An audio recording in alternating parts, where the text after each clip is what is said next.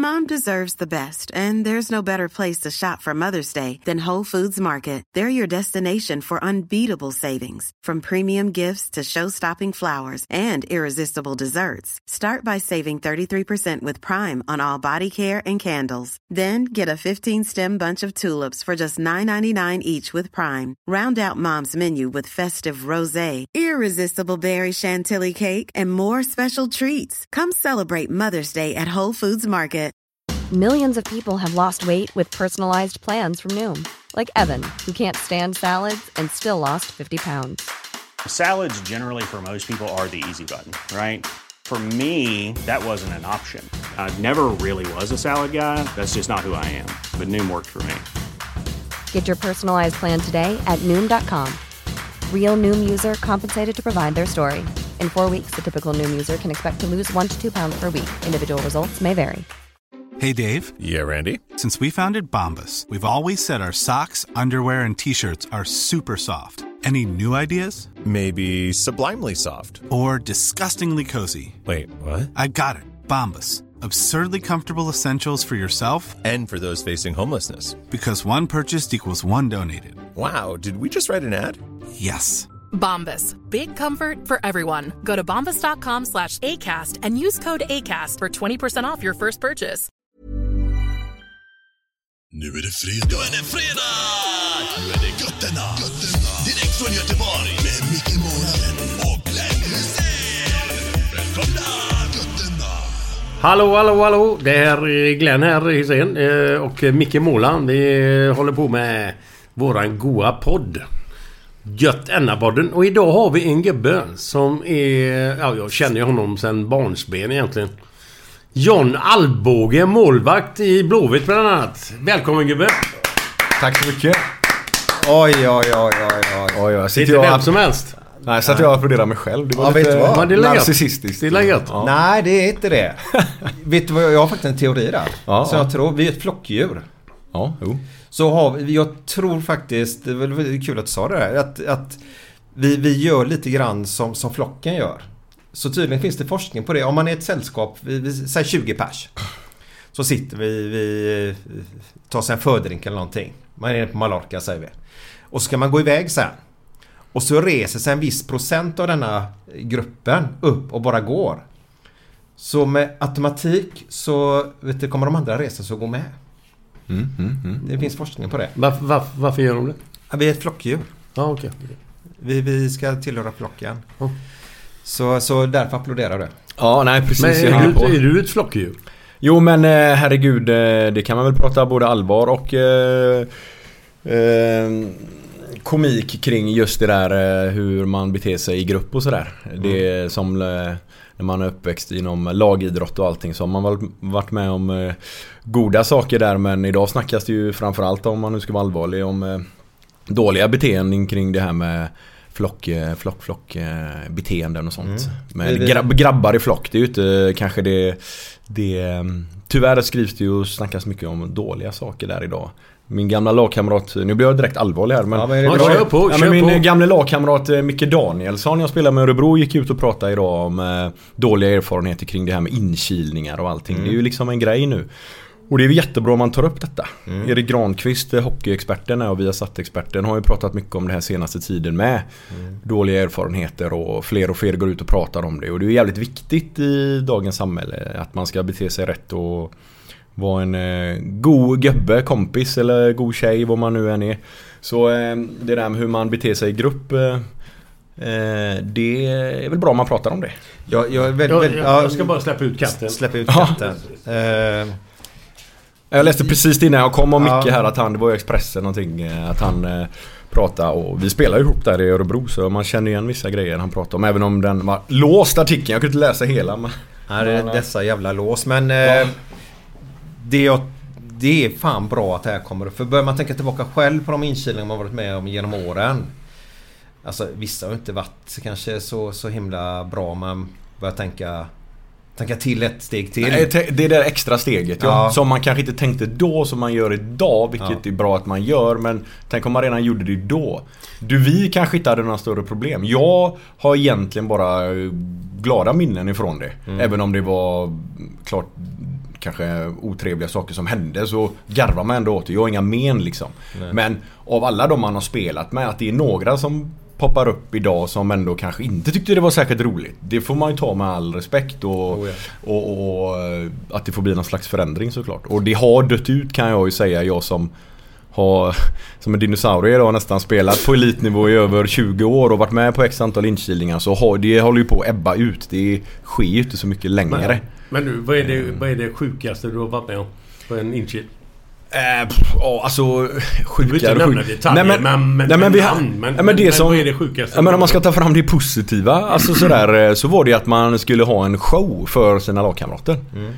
Och där har jag ruggigt bra minnen att eh, jäklar vad bra shower vi gjorde ibland liksom. Eh, och sen vad man eh, har sett kompisar eller lagkamrater göra. Det har varit jäkla bra ibland. Och så sen katastrofkvalitet ibland också såklart.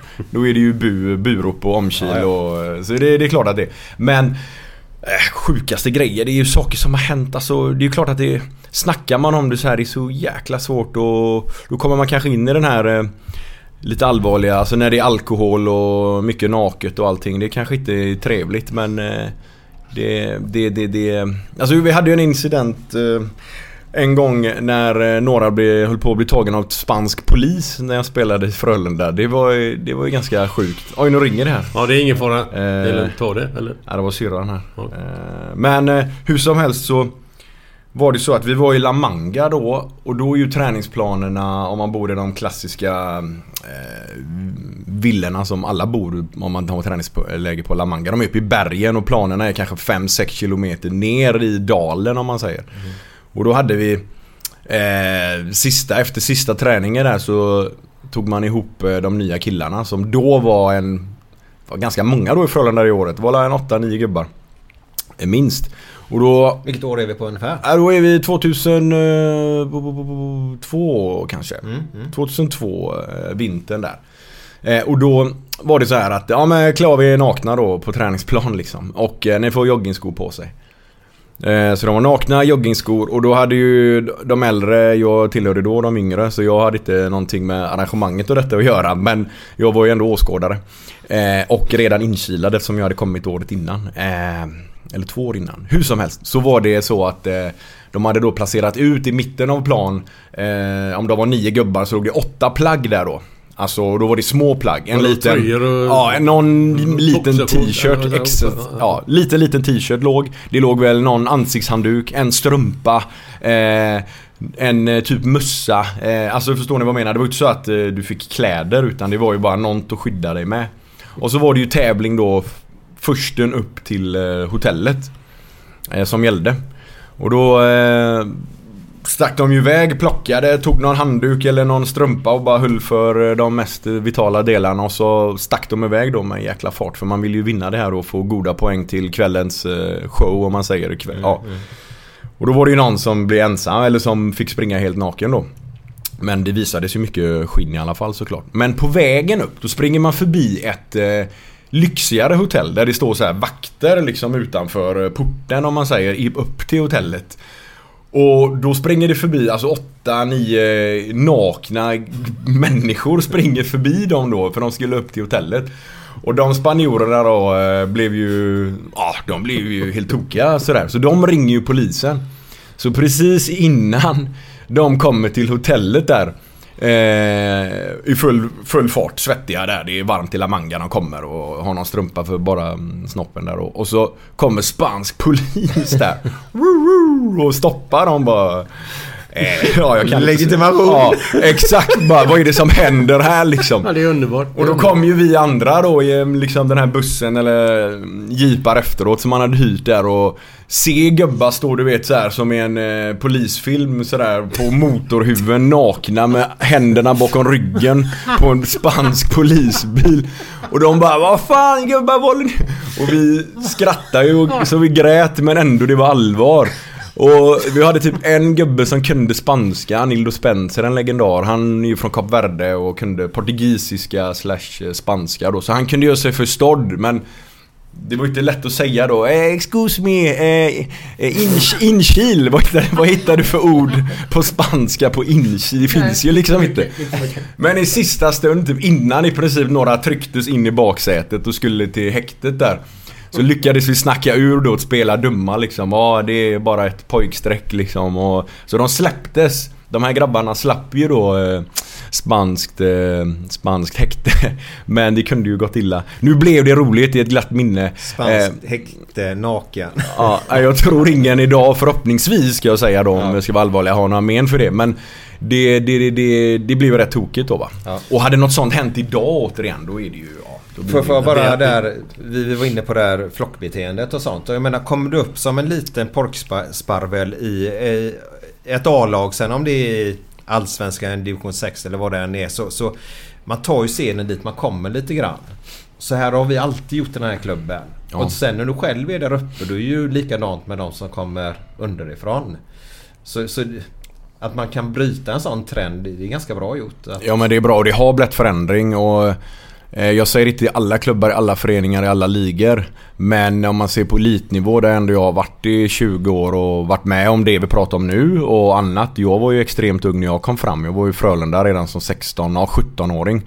Och var med om det här med inkilningar och allting. Och jag tog ju sidan dit jag kommer. Jag, jag satt ju naken och de raka ögonbryn och hår och man såg ut som eh, eller munk, vad, vad, munk vad tänkte där liksom. du då i det läget? Vad tänkte du? Nej man var ju utlämnad och man var ju... Men alltså... Jag hade ju... Mitt enda mål var ju att... eh, Ja det var ju... Det var ju jag skulle ju in på elitnivå. Jag skulle ju... Det, är här tillhör... ihop. Det är bara att bita ihop. Ja. Det tillhör ju detta. Yes, yes. Jag var rätt hårdhudad där liksom och jag tror... Jag tror de äldre även... Alltså jag var ju ganska mogen så på plan också rätt tidigt. Så de hade någon slags ac- acceptans på mig och var väl lite så oschyssta. Men det var ju ändå sitta naken och prata om lite såna här eh, kanske, eh, vad ska man säga, de få sexuella upplevelser man hade, liksom, hade haft då. det var... Så, skulle du berätta om dem? Nej men man, de ställde frågor och det var lite så här och man satt och det är ju det här som folk pratar om idag. Det var det exakt liknande som Micke Danielsson berättade om. Att man satt och gjorde så här. Så idag 20 år senare Då i alla fall, det kan jag inte tala för alla lag men Millions of people have lost weight with personalized plans from Noom, like Evan, who can't stand salads and still lost 50 pounds. Salads, generally, for most people, are the easy button, right? For me, that wasn't an option. I never really was a salad guy. That's just not who I am. But Noom worked for me. Get your personalized plan today at Noom.com. Real Noom user compensated to provide their story. In four weeks, the typical Noom user can expect to lose one to two pounds per week. Individual results may vary. If you thought the only way to get a more defined jawline with natural looking results was through surgery, think again. Juvederm Volux XC is a non surgical injectable gel filler that improves moderate to severe loss of jawline definition and can help you achieve natural looking results with little downtime. Even better, this improved definition lasts up to one year with optimal treatment. No maintenance required. Improve jawline definition for a smooth, sculpted look with Juvederm Volux XC. For important safety information and to find a licensed specialist, visit juvederm.com. That's J U V E D E R M.com. Not for people with severe allergic reactions, allergies to lidocaine, or the proteins used in Juvederm. Common side effects include injection site redness, swelling, pain, tenderness, firmness, lumps, bumps, bruising, discoloration, or itching. There's a risk of unintentional injection into a blood vessel, which can cause vision abnormalities, blindness, stroke, temporary scabs, or scarring. Talk to a licensed specialist to find out if it's right for you. Millions of people have lost weight with personalized plans from Noom, like Evan, who can't stand salads and still lost 50 pounds. Salads, generally, for most people, are the easy button, right? For me, that wasn't an option. I never really was a salad guy. That's just not who I am. But Noom worked for me. Get your personalized plan today at Noom.com. Real Noom user compensated to provide their story. In four weeks, the typical Noom user can expect to lose one to two pounds per week. Individual results may vary. det, det existerar inte längre, nästan ska jag säga. Eh, jag kan inte prata för alla lag, men jag har upplevt det sen dess i princip. Det är 20 år sedan. Så saker och ting går åt rätt håll och det är ju fel att göra så. Men jag personligen tog ju det inte på, alltså, på alltså jag har inga problem med det idag liksom och hade, var inte ledsen över det. Utan jag, jag tog det men Jag kan ju inte tala för andra spelare jag varit med. Säkerligen är det någon som kanske eh, tyckte det varit otrevligt Ja, det och inte tyckte om det. Ja. Eh, Eller du vet, hade, hade problem med att svälja det som eh, liksom jag gjorde. Men, men du, hur, hur... eh, Du började i Torslanda, eller? Ja. Ja. Hur var det där? Ja men eh, där, eh, alltså jag var ju, växte ju upp där som liten pojkspoling och eh, spelade fram till A-lag och där var det ju lite lägre nivå när jag kom upp i A-laget. Alltså där var det ju lite under elit och där var det ju verkligen den här klassiska jargongen. Men ja, man tog det där med så man hade ju liksom blivit eh, lite eh, uppfostrad i Torslanda så steget sen till exempelvis Frölunda man hade varit med om mycket ändå. Varit med om inkilningar förut och visste hur det gick till så man hade ändå varit med lite om det där. Så det är klart att i en, lag- i en klubb som Torslanda fanns ju också inkilningar. Det var varenda klubb tror jag nästan på elitnivå höll på med någonting på något sätt. Exakt hur man gjorde det, det är ju upp till var och en men det var nästan ändå garanterat att det var alkohol inblandat. Det var någon slags rakning av eh, hår eller ögonbryn. Något, något, någon... va- Ja, och så det var det det var liksom. Var, var Alltså. Bengt Jansson med i gänget här? Och hans tvillingar, de är två. Exakt. Var de tvillingar? Jo, jo ex- den ena är extremt duktig målvakt idag Ja. i futsal där. Eh, nej men... Eh, eh, nej han var väl lite med då. Eh, jag är ju så gammal så det var väl strax innan han eh, började ta över klubben som jag var. Ja, jag var ju med när han Ja. var där. Ja, ja. Underbar gubbe. Ja men det är väldigt fina gubbar i det. Hasse Häggström och alla fina människor. Ja, ja. Bosse Eh, Ros. Ja, ja. Ja, Lasse Lunkan och alla de här. Och... Han tränar ja. Tränaren ja. Lasse... Ja, Palmqvist var det också. Han var ju där innan. Han- jag, ja, jag var juniorlaget när Palmqvist tog upp dem från typ fyran till tvåan och sådär. Ja. Och sen, Bodde eh, ni grannar också eller? jag och Glenn, jag minns ju knappt det. Men eh, jag, mina föräldrar har ju sagt det att ja, Glenn Hussein bodde på gatan en gång i tiden. Ja, mitt emot oss. Moskullestigen. Nej, det var Trollruna. Alltså. Trollhättan. Ja, ja, ja. Med. Kerstin. Ja, för fan. Ja, Innan. ja, ja, ja, ja. Nej, så... eh, Var det runt 88 eller jag... Jag bara frågade morsan lite lätt idag. När Nej, var det egentligen Glenn? nej. år. Ja, jag, jag säga, det var inte 88 om du var ihop med Kerstin. Nej. Kerstin och jag Kanske var ännu tidigare. Uefa-cupen 82 och sen skilde vi oss 86. Ja, kanske var ännu tidigare. Så sprang jag på Helena. Men Ja. Trollrunan var med... med Trollrunan var med eh, Kerstin. Yes. Ja, nej, för jag minns inte eh, att du bodde där. Så jag Nej, var ju nej. extremt liten då. Men eh, så det har vi gjort. Jag var ju en liten... Eh, liten, liten minipojk kan man säga då när vi bodde mitt emot varandra på Trollrunan. Nej, nej men så Torslanda för mig var en uppväxt som var extremt eh, trygg och säker och bra och bara goda minnen. Ba, alltså bara, jag har ingen sån här Inga så här direkt traumatiska, otrevliga. som ja, men folk kanske har eh, varit eh, utsatta för det ena och det andra. Jag, Torslanda är och I Torslanda var... fanns inga pedofiler alltså? Nej.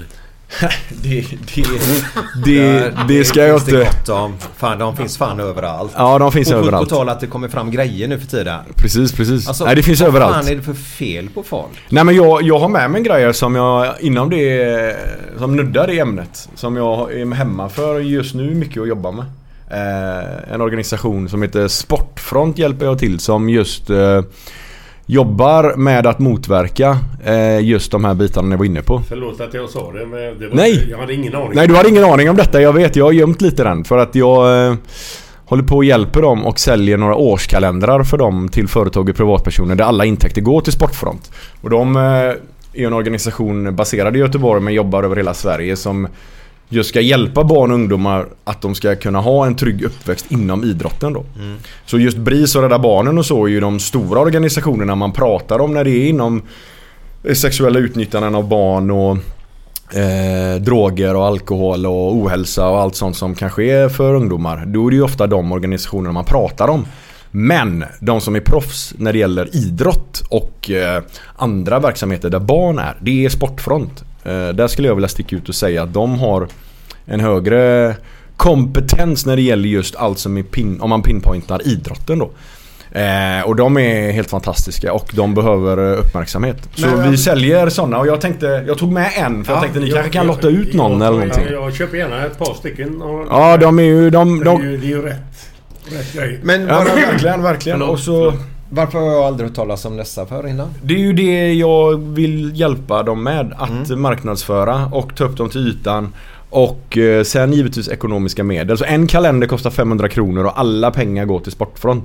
Och jag hörde Ehm, precis att Glenn sa att han ville köpa ett par. Ja, nu blir det ju tveksamt Det här. är tusen spänn. Ja. Ja. Ja, nej men... eh, Jag är med på det. Ingen problem. Nej men saken är att eh, den är ju en numrerad upplaga och eh, vi har tagit fram 100 stycken. Eh, de går för eh, 500 kronor. Skulle det vara positivt om säger en företag kommer och säger att vi ska ha 100 stycken. Då, ja, då löser vi det. Men jag menar vi har idag redan sålt en bit över hälften. Så eh, det, de går åt. Så det är lite eh, det är lite sådär att eh, först till kvarn som gäller. Ja. Och de är ju görfina. Och så är det ju 12 olika profiler som har ställt upp på detta. Bland annat så är Erik Granqvist som vi nämnde förut, vi har satt experten Han är januari månads profil. Så de har alla ställt upp med sina ansikten och då bilderna är sponsrade från Bildbyrån. Ja. Och Svensktryck, eh, kompendiet, ett tryckeri i stan har tryckt upp det utan kostnad. Så det är mm, helt jävla grymt. Och då är det ju spelare som från damlandslaget, det är allsvenska spelare, SHL-spelare, eh, damkronornas målvakt Sara Gran, Christian Folin från Frölunda Indiens, Hossam Ja. Majesh och Sana, Stina Blackstenius, ja jag kan fortsätta här. Mm. Och Grunden Boys-profilen, Micke Pajanen är med också. Mm, mm. Så eh, det är ju 12 månader, 12 profiler. Har du haft mycket att göra med, med eh, Grönde Boys? Ja, det ja. är underbart att prata med de gubbarna. Alltså, de är helt Nej, det är- roliga. Alltså. Man kan inte förklara hur mycket energi, positiv energi man får om man besöker. Bara titta på en träning, stå vid sidan eller bara är nära dem. Alltså just, eh, skulle man känna sig lite nere, lek med tanken om man skulle göra det.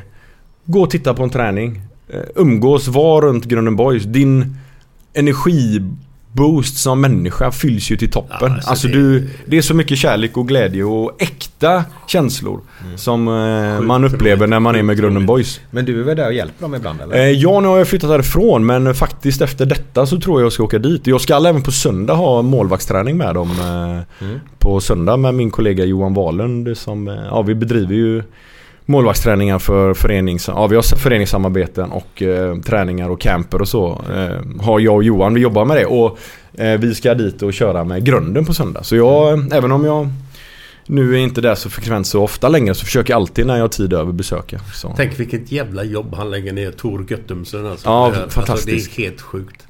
Men jag kan tänka mig vilket... Sådana eh, gubbar behövs. Typ. Verkligen. Nej men och det är ju allt som jag sa, är ju äkta där. Träffar man en gammal eh, granne eller någonting så blir det Hej vad kul att se dig. Innerst inne så, ja det kanske inte du tycker är så kul när man säger det. Men de här människorna, när du är med Grunden Boys. De, alltså det är genuin äkta, äkta känslor när du träffar dem. Man blir så glad. Och de är glada, de är som alla människor borde vara. Jag tror ju, eller jag tror, jag vet 100% Alltså man går runt själv och har personliga kanske issues, problem och tänker och grubblar över saker i livet men de människorna vad grubblar de över? De är bara genuint glada och lyckliga och det är så alla borde vara. Så man ska ta efter och vara som eh, alla deltagare i Grunden Boys i princip. Då skulle du haft ett mycket roligare, härligare liv om man eh, bara kunde se livet ifrån deras ögon. Men Alltså, nu ska vi gå in på lite grann på dig lite mer. Ja, Tycker jag. Ja, ja. Ja, ja. Det är ändå han som är här. Ja. Så eh, vad var din eh, stora styrka som målvakt? Var det linjen ute i straffområdet eller var det... Eller, vad bra var din styrka?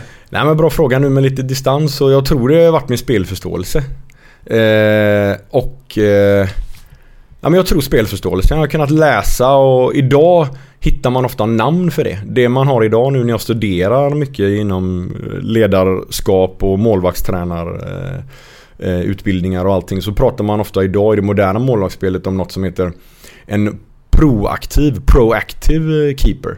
Och det tror jag jag var ganska tidigt att genom spelförståelse man kunde liksom läsa och kanske plocka ett inlägg eller avvärja ett inspel innan det blev det här skottet som kanske hade inneburit en galen räddning på linjen eller att det hade blivit mål eller någonting så tror jag via min spelförståelse att jag kunde förhindra mycket innan det liksom hände.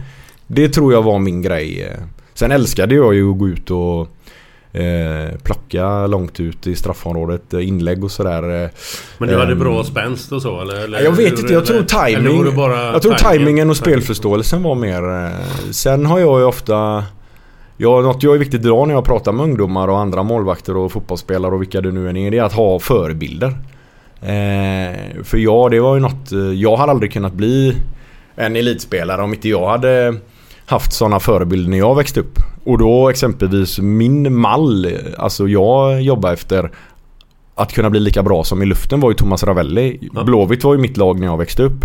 Och det var ju hans enorma styrka. Han hade ju spänst. Jag menar han tog ju 2,06 eller någonting i höjdhopp. Jag har väl tagit 1,60 liksom. Så det, nej men det är ju, Ja, han var grym. Han var ju grym. Ja. Så jag ville ju bli som honom.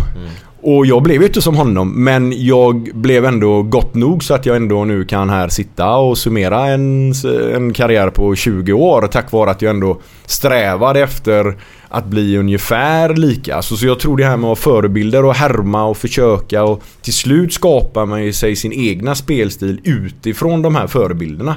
Ja, men Ravelli, Peter Schmeichel, eh, Prudhomme, eh, Paljuka, Toldo. Alla de man växte upp med som man såg upp till. De har man ju plockat ett litet frö av som till slut har liksom blivit ja, John Alvbåges spel. Alltså John. Och förhoppningsvis kanske någon liten unge någonstans har haft mig som förebild. Vad vet jag. Men det hade ju varit eh, enormt kul. Så det tror jag är så jäkla viktigt idag om man vill bli en bra spelare eller vad man än...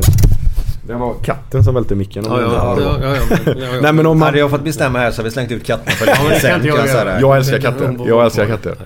Nej men om man vill bli bra på någonting. Det är att ha förebilder. Och givetvis positiva sådana.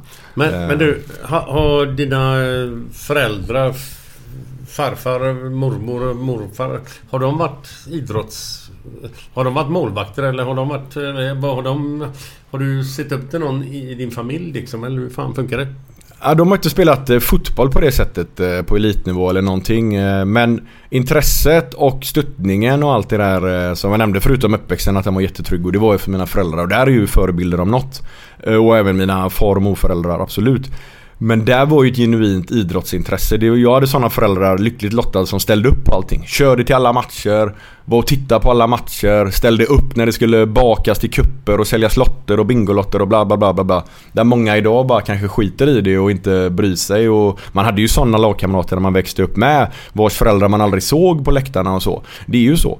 Men i, i, i mitt fall så hade jag föräldrar som eh, var genuint intresserade och eh, stöttade och hjälpte. Och jag vet inte hur många timmar farsan har tillbringat på Rudalen och suttit och väntat i bilen innan man hade körkort. Och jag alltid var sist ut i omklädningsrummet. Och han bara satt där och lyssnade på radion eller någonting. Där och, ja, jag vet inte hur många timmar han har lagt ner på sånt och bara sitta och vänta på mig för jag är alltid så seg. Men, eh, men någon idrott, ja farsan lirar hockey och var lite lovande junior och har ju lite story han berättar att ja, Frölunda ville en gång ha mig men jag, Ja, ja, sats, ja. jag satsade på skolan. Ja, det, så var det alltid Ja. den där knäskadan. Ja, nej men som- farsan han, han satsade på, krogen studierna säger. var pappa då. Och mamma var ju, hon spelade handboll länge och det har hon väl att berätta att eh, hon sprang runt med mig och spelade matcher när hon var nästan höggravid. Så det kanske man... eh, eh, Så det har ju hon. Där kanske man ändå fick något in i DNA-systemet. Att eh, man blev idrottsintresserad när man låg i magen. Hon sprang runt med en där liksom i Men det var i aldrig någonting annat som, eh, som när du växte upp? Det var bara sport eller? Ja det, var, Inget annat? ja, men det var bara sport. Det är klart man gick i lite så här andra eh, eh, verksamheter. Som, det var lite scouter och det var lite sådär med... Eh, Fick lära dig knoppar. Ja precis och det var lite sådär musikskola och spelade så här gitarr och mandolin och Blockflöjt. grejer. Ja blockflöjten var det aldrig. Kommer det du inte mest- ihåg den? Jo, jo, jo. blockflöjt, den- Vad fan skulle vi lära oss spela blockflöjt? Ja, helt värdelöst. Helt Det finns, ju ingen som kan spela en Nej, fin nej, nej. melodi på en Nej, nej, nej. blockflöjt. Det är ju totalt helt omöjligt. Men ändå skulle vi Ja, hålla på med den blockflöjten. Nej det var mest eh, skinnflöjt i unga åldrar där var det. Det var Skinnflöjt. skinnflöjt. Berättar du det på inkilningen eller? Ja, Det är, som precis. höst, Ja. det är samma som höströsket ungefär. Ja, exakt.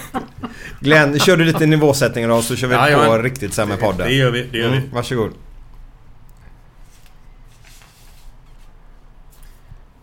Det hade tydligen gått... Eh, Det hade gått för vem? det hade tydligen gått vilt till under julklappsförberedelserna. Dörren var ju inslagen. Den tycker jag. Ja den var rolig, jag håller med dig. Ja, Ja, du skrattar ju som Ja det är fan. kvalitet, det är kvalitet. Du! När man har ätit en exotisk frukt. Då var man ända bra eller? Ja. Då är man god. Ja det är bra, det är kvalitet. Mango alltså. Som, Ja, ja, ja, ja, ja, vi fattar.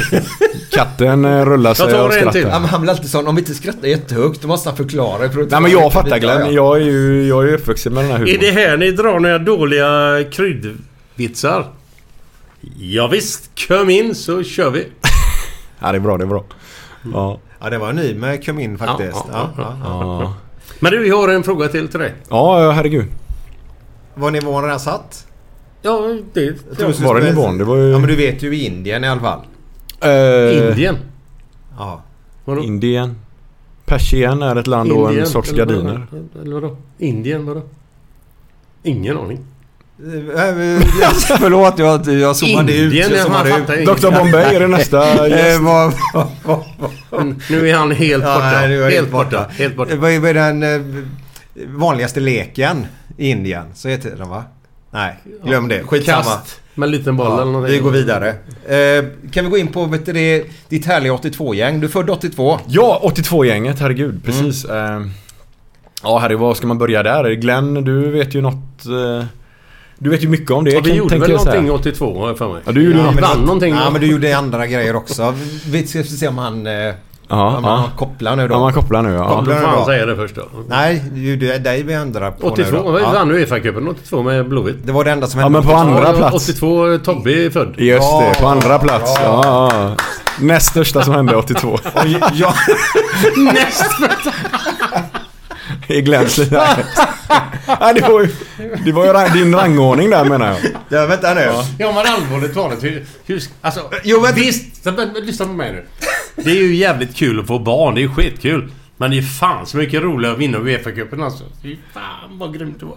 Ja, herregud. Men herregud. du, nu måste jag fråga en annan fråga. Jag- Vi har ju ställt dig datum, men vilka år är dina barn födda? Det måste du ha koll på i alla fall. Ja. Ja. Tobbe är först, 82. Sen är... Och ljud- Charlotte, ljudet, vi 84, hör, 84. ljudet vi hör är ju Glens eh, tankar här som dim- 84 dimper ner. är Charlotte född. Sen är Anton född 90 och sen är det Annie född 92 va? Eller tror jag. Tror jag. Det är de. Men jag glömde ju Alex. Han är född 87. Ja, men det är fina år. Har det... Har Nej men barn 82-87, har det någonting att göra med firande eller någonting kanske? Gläd, glädjerus? Ja, men jag, alltså, vi var ju ute jämt då. Alltså ute på och Ja, ja, matcher. spela matcher. Ja, ja. Så att eh, jag fick ju lägga min sagge i en, en, en liten spruta så. För att det skulle bli av någonting. Nej! Det, du, du droppar provrörs... Eh, provrörsnyheten här nu. Nu Ja. blir det, nu blir det rubriker här nej, alltså. nej, nej, nej, nej, Nu nej. blir det rubriker här. Barnen är provrörsbarn. Ja, herregud. Åh, nu blir Men du, är, svettig. du, du, du, Nej men 82-gänget var du inne på. Mitt Ja. 82-gäng. Ditt 82-gäng vet vi allt av. Ni har ju, men... Ja men era gubbar. Ja men eh, Tobbe där och jag, vi har ju växt upp och du nämnde förut lite också att ja, men jag har känt det så lite sen barnsben. Så är det ju. Eh, du har ju bott i Torslanda med några omgångar och jag är uppväxt där och eh, jag menar det att eh, 82-gänget just som växte upp i Göteborg eh, Just Torslanda IK 82 år, vi var ju kanon men sen hade vi ju ett stadslag och sen numera ett, ett pojklandslag med 82-gänget som var väldigt, väldigt duktiga. Väldigt många som ändå har gått till elit, vilket är lite unikt just. Vilka gubbar snackar du om nu? Ja men de snackar Göteborgs stadslag då som sen kom till elit. Eh, Alltså de stora namnen är ju din egna son Tobbe. Och sen är det ju Kim Källström då eh, som sticker ut eh, framförallt. Jävlar, är de... Ja. Är han också... Nej men det, ja ja, vi, eh, han var ju i Partille här vet du och sen Häcken och... Och vi vann ju SM då också för distriktslag då. Eh, eh, gjorde ju vi. Slog Ja, men kan du namndroppa lite folk? Nej men eh, ja, så var det ju jag själv. Sen har vi ju sådana som har spelat i Allsvenskan som ändå inte eh, gick hela vägen sen till landslag och så vidare som Tobbe och även jag själv men framförallt Kim. Så hade vi spelare som Andreas Skogdalen var ju liksom Allsvenskan med, eh, med Frölunda. Vi hade ju Jonas Eng, en kille där också. Han var väl och nosa och gjorde någon allsvensk match tror jag i Häcken och Frölunda. Eh, vi hade även Dime Kusev, fantastisk spelare. Han gjorde ju någon match i Allsvenskan med ÖIS vet jag. Eh, hur grym som helst just när vi verkligen växte upp och var unga. Alltså varenda spelare var ju... Det var ju agenter och storklubbar och allting som vill ha våra grabbar eh, om man säger. Och... Eh, vad var det mer? Alltså... Men det är ju ändå, ändå ganska hyfsat i alla fall att eh, ha fem sex killar som eh, spelar på elitnivå sen. Hur, hur, hur bra var Kim? Det går inte att beskriva hur bra han var egentligen. För av alla nu som dyker upp idag, det är så här stora talanger. Det är Albin Ekdal och eh, Gudetti och Isak och alla. Men det, det finns ingen av dem som jag ser idag heller. Som har varit så dominanta som Kim Källström var i sin unga ålder. Varför var han det? Varför? Ja, det har väl säkert mycket med eh, pannben, skalle, Hjärna. uppväxt, Ja. hjärna. Ja, han, jag menar Micke och hans farsa och vi gick ju gymnasiet tillsammans också. Gymnasieklassen där var hyfsad med. Polhemsgymnasiets fotbollsklass med, ja, vi gick ju där både Tobbe och jag och Kim och den ena och den andra och där hoppade ju Kim av i gymnasiet i andra ring var det väl. För att han ville satsa fullhjärtat på fotbollen då. Så han tränade ju extra med farsan istället på dagtid. Eh, Och eh, när vi andra då gick färdigt gymnasiet. Ja, hoppade han av skolan för att Han, träna med han farsan? hoppade av skolan för att träna extra och Ja. sådär. Men har, Det visste jag inte. Och det gick ju ändå rätt bra får man säga. Oh, ja. har, har du någon förklaring till att även då Mikael Källström, han var ju en kämpe. Han kötta, kötta. Och så Kim var ju lite mer tekniker. Han var ju... Ja, han var ju- Vänsterfot. Jag kötta och kötta och nicka, nicka, glidtackla och Tobbe är en tekniker. Ja. Hur fan går det ihop? Ja, hur går det ihop? Det är en bra fråga men framförallt tror jag... tror vi löser den knuten Nej men idag. jag tror ju framförallt att... nej men om vi snackar det här med förebilder och allting att man... Eh, att ha föräldrar att se upp till eh, tror jag är ju enormt viktigt. Jag menar där var du ju viktig så. Herregud, Tobbe ville väl bli också som sin pappa och hade väl x antal gener där och så sen eh, Kim, eller med Micke där också. Eh, det blir ju något med uppfostran och så vidare. Ett eh, tidigt elittänk kanske är mycket och eh, även Kims tankar då såklart. För ser man ändå statistiskt idag så är det ju faktiskt så att 0,3% 0,3% av alla barn som håller på med vilken idrott det än är kommer till elit. Alltså 0,3. Det är extremt lite. Så sitta här idag och ha gått igenom det nålsögat och har gjort några A-landslagsmatcher men över 300 allsvenska matcher och allting. Och alla kids man växte upp med.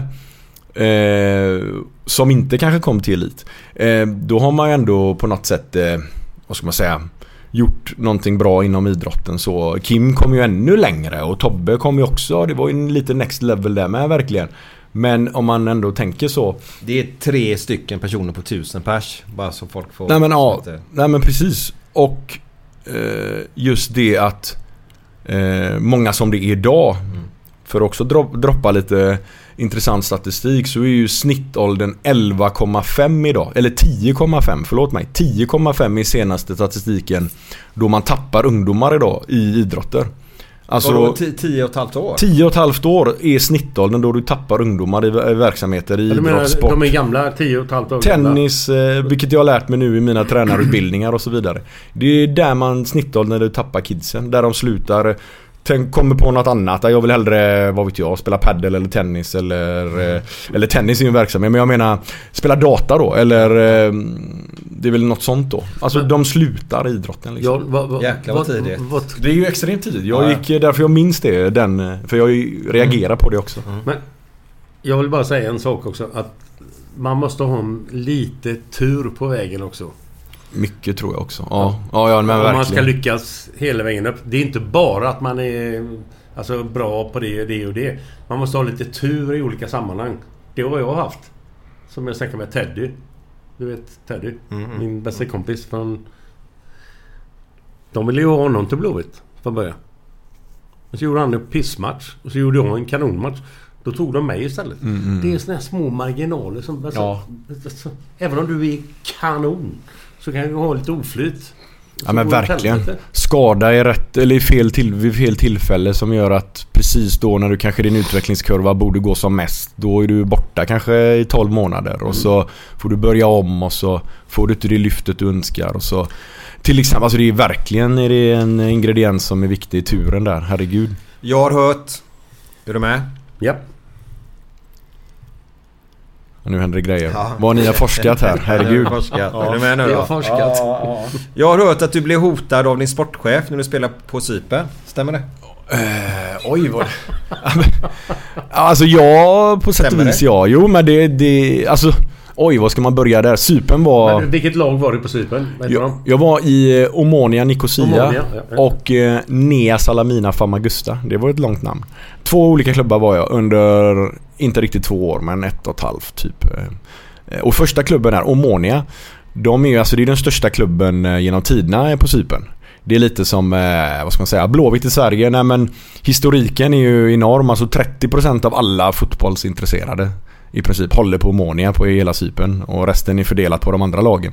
Och de har väl, vad har de? 50 titlar på 70 år eller någonting. Men de senaste så här 15 åren någonting eh, så har de haft stora problem. Lite som Blåvitt om man ser. Alltså inte så mycket titlar har droppat in. Och händer det... Och där menar jag, där byter du ju sportchefer och spelare. Varenda transferfönster är ju som en evighet. Alltså jag menar du... Du kickar ju folk höger och vänster där. Och där gick jag, där fick jag ju skada i min eh, första ligamatch i princip. Eh, ja, alltså den oturen finns ju inte egentligen. Att jag efter, Vad 30, hände då? nej, men efter 35 minuter i min första match, ligapremiär. Eh, så tar jag en frispark i krysset kan jag väl säga nästan. Alltså bra Du tar räddning. den? Jag tar den, petar ut men fortsätter in och landar in i vänster stolpe blir det. Det var liksom en frispark från eh, hörnet av straffområdet som han försöker lura mig på första. Och då blir det, då står man kanske lite längre ut än vanligt för det kan även komma ett inlägg. Förstår ni? Om ni målar upp den Ja, bilden. jag fattar. Yes, yes. Och då försöker han ju lura mig och dra den på första. Och i och med att jag står ganska långt ut och är lite sen på bollen då får jag slänga mig en vinkel bakåt lite. An- Annars ska man ju mena attackera boll framåt. Men nu slänger jag mig snett bakåt eftersom ja, jag väntar mig kanske också ett inlägg. Och då slänger jag mig bakåt rätt in då kastar jag mig med full styrka in i stolpen. Och där nere är det ju lite så här. Ja, det är ju 80-tals eh, mål som är liksom gjutna i backen. 80-talsstolpar, ja. Ja, nej men så här, det är ju inte sådana lättmetall på hjul som du kan flytta med en person utan den var ju fast, det var ju som en lyktstolpe jag hoppade in i. Så det, det rör ju sig till målet och jag kommer med full kraft där in med axeln så jag pajar ju axeln på, jag drog ju av nyckelben och senan och allting. Det var ju min, ja, 30 efter 35 minuter i min premiär. Ja, jag höll ju nollan kan vi säga då. Jag tog ju den frisparken. Sen vann vi den matchen men eh, Sen blev det ju inte något mer för mig i den klubben. För sen kom jag tillbaks precis innan sista omgången av den eh, säsongen. Och efter där då hände ju hur mycket som helst. Bytte lag, bytte sportchef, allting. Kom in en spansk sportchef. Och den nya sportchefen. Herregud vad långrandig jag är. Det var det längsta svaret. Det var det längsta Ja, svaret. det underbart, jag älskar Ja, det. men han säger Men till fortsätt, mig. Han säger till mig för jag får ju reda på, jag har ju kämpat som ett as att komma tillbaka. Och jag slet som fan alltså. Och jag ska säga nog, jag tror aldrig jag har varit i sån bra form som jag var innan den skadan i Cypern. Alltså jag hade en cypriotisk A-landslagsmålvakt. Jag hade Cyperns U21-landslagskeeper och en bulgarisk landslagsmålvakt eh, bakom mig där. Alltså de satsade på mig före de gubbarna. Jag var... Jag var nog fan bättre än vad någonsin varit. Så det kom så jävla fel läge som alla skador gör. Men hur som helst. De visste ju inte om mig. De nya som kom in var, skulle bara spanska spelare och jag var ju gammal på pappret och skadad. Så jag var inte aktuell. Så det var ju bara vi vill inte ha det längre, hej då. Men jag hade ju kontrakt och uppvuxen i Norden med eh, regler och allting. Så jag sa ja men jag, jag kommer till träningen. Vi börjar ju imorgon. För jag hade fått ett mail typ. Där de sa tack för det, du, du behöver inte komma. Du, tack liksom. Men jag har ju ett år på kontraktet kvar. Så jag ringde upp den här sportchefen och sa ja men jag kommer imorgon. Han bara no you will not come tomorrow. Jag bara, jo, I see you liksom. Lägger jag på, så ringer han upp igen. Och så säger han bara Du kommer inte imorgon. Dyker du upp så får vi se vad som händer med dig, säger han till mig. Wow. Och jag bara Kommer du ihåg vad han hette? Nej, nej. Men han bara, bara If you show up, we will see what's gonna happen to you. Säger han till mig. Och jag bara Och då vände jag, då vände det ju för mig. Jag bara Hotar du mig här nu? Han bara, "Nej, du får tolka det som du vill. Dyker du upp imorgon så får vi se vad som händer.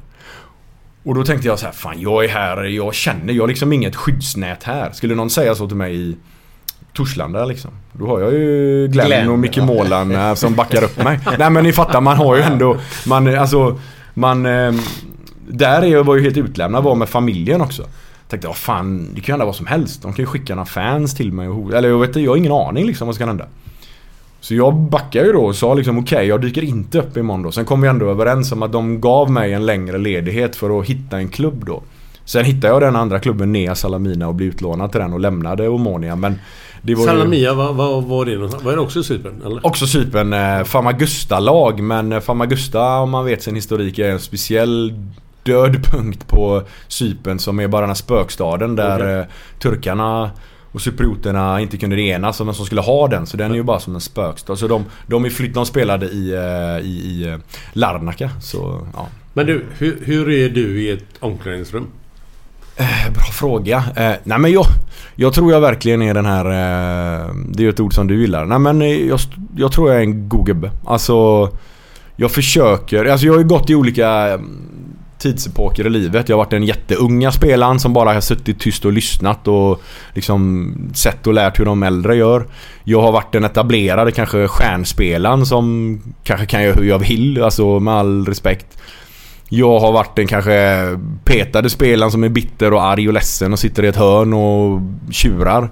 Och jag har varit nu som de senaste åren den äldre kanske kloka som ändå försöker du vet hjälpa de andra och du vet komma med lite inputs och de som kanske inte spelar, alltså stötta och sådär liksom. Så jag har nog varit alla möjliga men slår man ut något medelvärde så tror jag ändå över det så tror jag ändå är den här Ja, lite roliga gubben ändå som... Tjötar lite. Och- Ja men tjötar och Ja, kanske ja. drar något extremt dåligt skämt ibland. Därför jag garvar åt dina skämt. För jag har fått ofta höra den att man har så jävla dåliga... Och det är bara sådana här spontana grejer då. Alltså jag, under min tid i Blåvitt, jag kunde... Jag fick bli intagen. Jörgen tog in mig någon gång. eh, Jörgen Lennartsson. Lennartsson. Jörgen Lennartsson? Ja, ja. Vad han Jag blir, ja men jag ju intagen. Jag vet, alltså jag, det är ju så jävla bra när man har ledare som ändå är öppna med saker. Går man och bär på saker och ting och inte pratar om det så kan det bli en issue sen att det skälper ändå. Men han hade ju... Han var ju ärlig och ändå sa som ledare att jag uppfattar dig så här nu John. Är det så du vill bli uppfattad i laget? Och då var det ju just det här att han tyckte jag var lite för o... Alltså jag var lite för så här kanske rolig. Jag blev den här goa gubben För liksom. rolig. Ja, Nej men förstår du? Som, Alltså, man, som man inte... Kan bli som man inte koncentrerar sig på Exakt. fotbollen. Eller vadå? Nej men eh, du sa ordet som kanske, kanske inte blir så positivt. Clown liksom. Alltså, han sa just nu kanske du uppfattas lite som eh, en lite så här clown liksom. Och vi vill ju att du ska vara... Eh, inte, Seriös. Ja, men det är man li- ju ändå. Nej men jag är ju ändå det. Jag tyckte ju ändå det att nej, men när du är på träningsplan liksom. Då, där är jag ingen clown. Där är jag ju liksom, där kör jag ju liksom. Men vid sidan av och sådär, ja men du vet när du ändå öppnar munnen och säger något. Då väntar alla, då förväntar sig alla att det kommer något liksom skämt. Och det är ju ändå, det är ju roligt, förstå mig rätt. Jörgen är ju ändå en rolig människa och som också drar Han skämt god. och så. Han är skitgod. Ja, Men jag, ja, jag tror ändå när han sa det så fick man lite sån här eye-opener att okej fan är det så jag vill uppfattas? Så började man tvivla lite och tänkte och kanske ändra sig lite och blev det hela rätt och allting men i slutändan tror jag ändå att eh, jag är den här Ja jag får kalla mig clown då men jag får väl vara alltså jag kunde ju liksom Ja men jag var ju ofta sån Idag är jag väl lite sån men jag, kan- jag kan dra exempel så ni alla förstår vad jag menar lite. Alltså vi kunde ha matcher någon gång och prata om något lag. Och så är det någon spelare med något jävla namn. Så kunde jag ju räcka upp handen. Ja, men vi har ju Syrianska här har vi ju Viktor Båt på innermittfältet. Och då kunde jag ju räcka upp handen och bara Ja, eh, ursäkta men eh, ja, vi får se upp med den här gubben för han har en jävla, det är ju en jävla kille med flyt va. Alltså, förstår du mig? Eller, ja båt ja. Nej men jag var, nej men då alla gubbarna grät jag av garv men jag, jag, där stod ju Jörgen och skulle vara seriös. Och så kunde jag ju fortsätta då och bara, ja fan han är ju inte riktigt på rätt köl den gubben. Och, Man måste för fan... Köl! Ja, alltså förstår du? Jag kunde ju fortsätta då. Och så bara, ja nej fan det är ju inte vind i seglen på den gubben. Och alltså, ja, men jag, Jag hur länge som helst. Kunde ju hålla på. Och då blev det ju lite fel va. Så jag förstår ju Jörgen där. Men samtidigt efter de här så kommer ju exempelvis Hjalmar Jonsson och Vissa, ja Stiller kanske, men framförallt Jalle och Adam kom ju jämt och bara skakade på huvudet efter mötena och bara Och med gråten i ögonen och liksom hade ju, de tyckte ju det var extremt kul. Ja. Men vissa... Men det, Men är, det- det... är, inte, är det inte det som gör att man blir lite bättre? Alltså, man Jo. har ett lag som är jävligt bra. Varje gubbe är bra på sin sak. Och sen har lite kul i omklädningsrummet. Det lyfter ju ytterligare ett steg. Jo, jo, nej men... Ska eh, man sitta så här? Nej men nej, jag, jag håller med dig. Jag, jag, sen kunde jag förstå Jörgen som tränare där också att han kanske... Ja men fan tänk på det bara. Sen vad du gör med det liksom. Vill du vara den och så ja. För de förväntar ju sig att oh, du ska vara ledare. Och jag var ledare på ett annat sätt. Vi hade ju... Fan när man kom in i Blåvitt där, det var så Det var så många liksom som eh, alla hade de värvat in. Det var ju topp, topp, topp, toppspelare. Vem du än hade plockat in hade ju typ vi- i princip varit kaptener i sina förra lag. Kan vi ta det när du blir värvad andra gången till Blåvitt? Yes, ja. Kan jag ta toaletten bara? Ja, gör du det? Men vet du vad? Ja. Jan, vi Ja. kör lite fredagstjänst. Ja men nu jävlar. Ja, nu.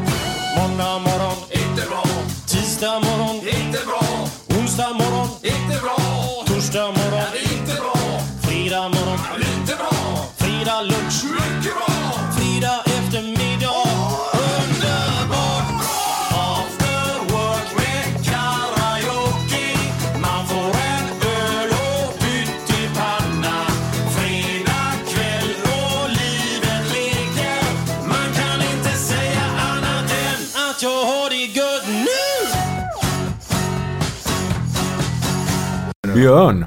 Ah. Björn Rosenström, After Ja, Work. Ja, då kör vi den. Ja. Är är det bra Jan? Ska vi köra eller? Ja, vi har kört nu redan. Gaisare, Ja, After Work, eh, Björn Ja, Björn Rosenström. Han är inte jävla det. låt. Vilken låt. Ja, alltså. fantastisk låt. Helt sjukt. Varför tror du att han är det? Men jag har för mig att Gaisare, Björn Rosenström. Ja, det är många som har för sig att han är Gaisare, men han är inte det. Det är ju samma sak som Håkan Hellström snackar om att han är Gaisare men Mm. innerst inne är han Blåvit. Alla är ju inne i sinne blåvita. Men, det skulle, men alltså- nej men det skulle ingen erkänna. Men jag, det är min känsla av Håkan. Ja, det är så. Nu kommer jag få alla Gaisare efter mig. Då Men- kan jag, då, nej, men jag berättar klart med Björn Rosenström nu Ja. först. Han är blåvitare. Vi slår fast det en gång för alla. Vi var faktiskt och kollade på Blåvitt Hammarby i år tror jag. Eh, Jag vet inte om du kommer ihåg det Glenn? Vem, Eh. Vilka var med då? Ingen aning. Nej, det var Björn Rosenström med oss Ja, och ja, ja. eh, två av hans barn. Eh, så han är blåvitare. Ja, ja, där ser man. Det Så ser man. vet ni Läser det. något nytt varje dag. Ja, det är Ja, men han är fin, vilken legendar. Ja. Men där har man ju också på utveckling. Jag vet inte om man har släppt de första skivorna i år. 2021. Jag är ju tveksamt om de hade gått hem lika mycket kanske. Nej du shit Om vi, nu snack, alltså. om vi nu snackar eh, det här vi var inne på förut med Ja, hur ja. Mm. saker och ting förändras. Eh, men eh, ändå kan jag ju varenda låttext, varenda låt Ja, ja, utan till. Men, Så är men det. du, Det är jag- verkligen, jag- verkligen så här förfestlåtar. Eh, låtar, Precis, kan man ju säga utan. Jan, jag har en, eh, en grej här. Fem stycken frågor. Ja, kör. Bästa tränare du någonsin har haft? Oj. Inga utläggningar nu utan bara säg ett namn. Okej. Nej, Men, men- Du vill säga någonting. Nej men jag vill, cred, jag vill ge cred till... Eh, Ja, inte fem minuter på varje gubbe men... nej jag är för lång. Bästa Förlåt. Nej. tränare? Ja men jag säger då... Eh, Dane Ivarsson lyfter jag fram som är i ÖIS nu. Extremt duktig Var hade du tränare. han någonstans? I Lindome. Japp. Extremt duktig tränare av alla olika anledningar. Mm. Framförallt gillar jag ledare som är eh, raka, tydliga och har en eh, filosofi som bygger på de två eh, grundpelarna också. Alltså inga... Han vet vad han vill och sådär. Och eh, jag önskar han all lycka i ÖIS och jag hoppas alla i ÖIS ledning och fans och allting har lite is i magen. Alltså vänta nu. Ge han tid så kommer det bli skitbra. Bra. Nu räcker det. Ja, nu räcker det. Bästa spelaren du någonsin har spelat ihop med? Eh, ja. Det är bara fem frågor. Det är andra frågan här nu. Nej men alltså, vi var inne på Kim Källström förut. Jag kan inte komma på någon som är... Okej, jag var med i Du har VM ju och... spelat utomlands. Så... Ja men VM och landskampen med Zlatan och sådär. eh, Ja men jag gjorde väl aldrig någon match på plan ihop men jag har ju tränat med honom och tillbringat en hel sommar och andra matcher med honom sådär. Men Kim ändå är ju den som sticker ut ordentligt. Sen i Cypern bland annat så var det ju så här guldkorn, grymma lirare man Alltså Maduro som eh, varit lagkapten i typ eh, Valencia och, och så vidare och så vidare. Han dök ju upp i Cypern. Han var ju lagkamrat med liksom gubbe som inte ens tänker på längre. Eh, holländare. Eh, Glenn exempel. Nu. Ja. Nej, nej, men det är bra. Fortsätt, fortsätt. Godaste gubben du har... Alltså, godaste... Alltså, som du har haft bäst kontakt med genom alla år. Oj, oj, oj, oj, oj. Eh, nej men... Oj, alltså jag vill ju lämna, nämna många här och Jo, ingen, visst, ingen nämnd, ingen glömd. ingen som du känner, fy fan, vilken jävla god... Jo men Emil Salomonsson är ju en sån. Eh, absolut. Som... Eh, Emil Samuelsson. Emil Salomonsson som vär, Blåvitt värvar tillbaka Ja, nu. ja, om ja, du vet. ja, Eh, enormt eh, fin kille med stort hjärta och en eh, lagkamrat av eh, högsta... Alltså jag gillar ju sådana som eh, gör något mer än bara du vet, alltså de bidrar med något utanför med. Får folk att trivas, är allmänt snälla, bryr sig om allt och alla, eh, sätter inte sig själv före laget och det ena och det tredje. Och Emil är ju en sån. Det finns ju fler sådana jag har spelat med men... Ja, men då räcker det. Ja, Mm. japp, japp. Den sjukaste, roligaste... Högst feber. Men, eh, Alltså, som bara drar såna här jävla idolhistorier och är sjuk i huvudet. Han pissar i alla i omklädningsrum. Eller, eller som helst. I vilket land som helst. Vem är sjukast? Ja, herrejävlar vet du. Där. Eh... Fan, det finns ju folk alltså. Men när jag kom, i Fröl, när jag kom upp i Frölunda tidigt, jag satt ju med hakan i golvet ibland av stories liksom. Och då var det ju gubbar, Tino Slapas eller något sånt här. Tino Slappas! Ni minns inte Han sådana gubbar? spelar ju ihop med Gais. Eller hur? Det var en jävla rolig sjuk jävel. Jag var ju, för 99 var jag ju tränare med Frölunda kontinuerligt. Du vet, var med deras A-lag typ en gång i veckan sådär. Och då var ju han fortfarande där. Och så sen lämnade de ju 00 då jag ändå signade. Nej men det var ju ett dåligt exempel. Men det minns jag bara en gubbe när man sagt och lyssnat sjuka stories liksom. Eh, men vad fan ska jag säga vad det är för gubbar? Tinos Lappas. Fy fan. Ja, han är sjuk i huvudet, det vet jag. Han har jag spelat ihop med för fan. Ja men du hör ju hur gammal jag är och hur ung du är Glenn. Ehm, nej det var kanske ett dåligt exempel men det- jag har ju bättre men vad fan har vi? Alltså extremt rolig gubbe liksom också. Ja, sjuk, sjuk i huvudet. Drar såna här jävla dårhistorier som... Ja. Jag bara för, för förtydliga för våra lyssnare. Och sjuk i huvudet i Glens värld är inte att de är sjuka i huvudet. Nej, utan bara de är att man roliga. är roligt roliga, sjuka i goa huvudet. människor. Ja. Men lite sjukare än en normal, om man säger så. Ja precis. Nej men ska vi ta en från 82-gänget då? Ja. Mina... Gör det. Ta Daniel Rivas då känner du? Rivas ja. Fan med Lundby. Han spelar ju Ja, Lundby ja, ja. med, med Tobbe va? Ja, sicken jävla rolig gubbe liksom. Alltså, där är ju ett exempel också. Ni som vet, vet. Det är ju tråkigt när man säger så. Ja. Men där är ju en 82 Har någon speciell... eh, Har du hört, kommer du ihåg någon speciell episod med honom? Nej men där var det mer personligheten. Allt som hände och skedde liksom var ju... eh, Öppnade han bara käften så garvade ju folk och det var ju... Alltså det var, han var bara jävligt rolig liksom. Det var inte så här han som drog skämt och sånt kanske. Men han var bara likable. Man tyckte om honom liksom för... eh, Men jag vet vad du är ute efter också. Någon helt jävla... Och det kommer jag ju komma på efter podden här. Ja, ja. Ja, Skit men det. vet du vad? Jag har en fråga till. Ja, men kör Det är sista frågan nu. Yes. Vem är den trökigaste jäveln någonsin du har spelat ihop med? Du kanske inte vågar säga det men... Nej men det... Jag kan säga direkt vem jag är men, men... Vem tycker du? Har, har du haft en sån här fruktansvärt tråkig människa som...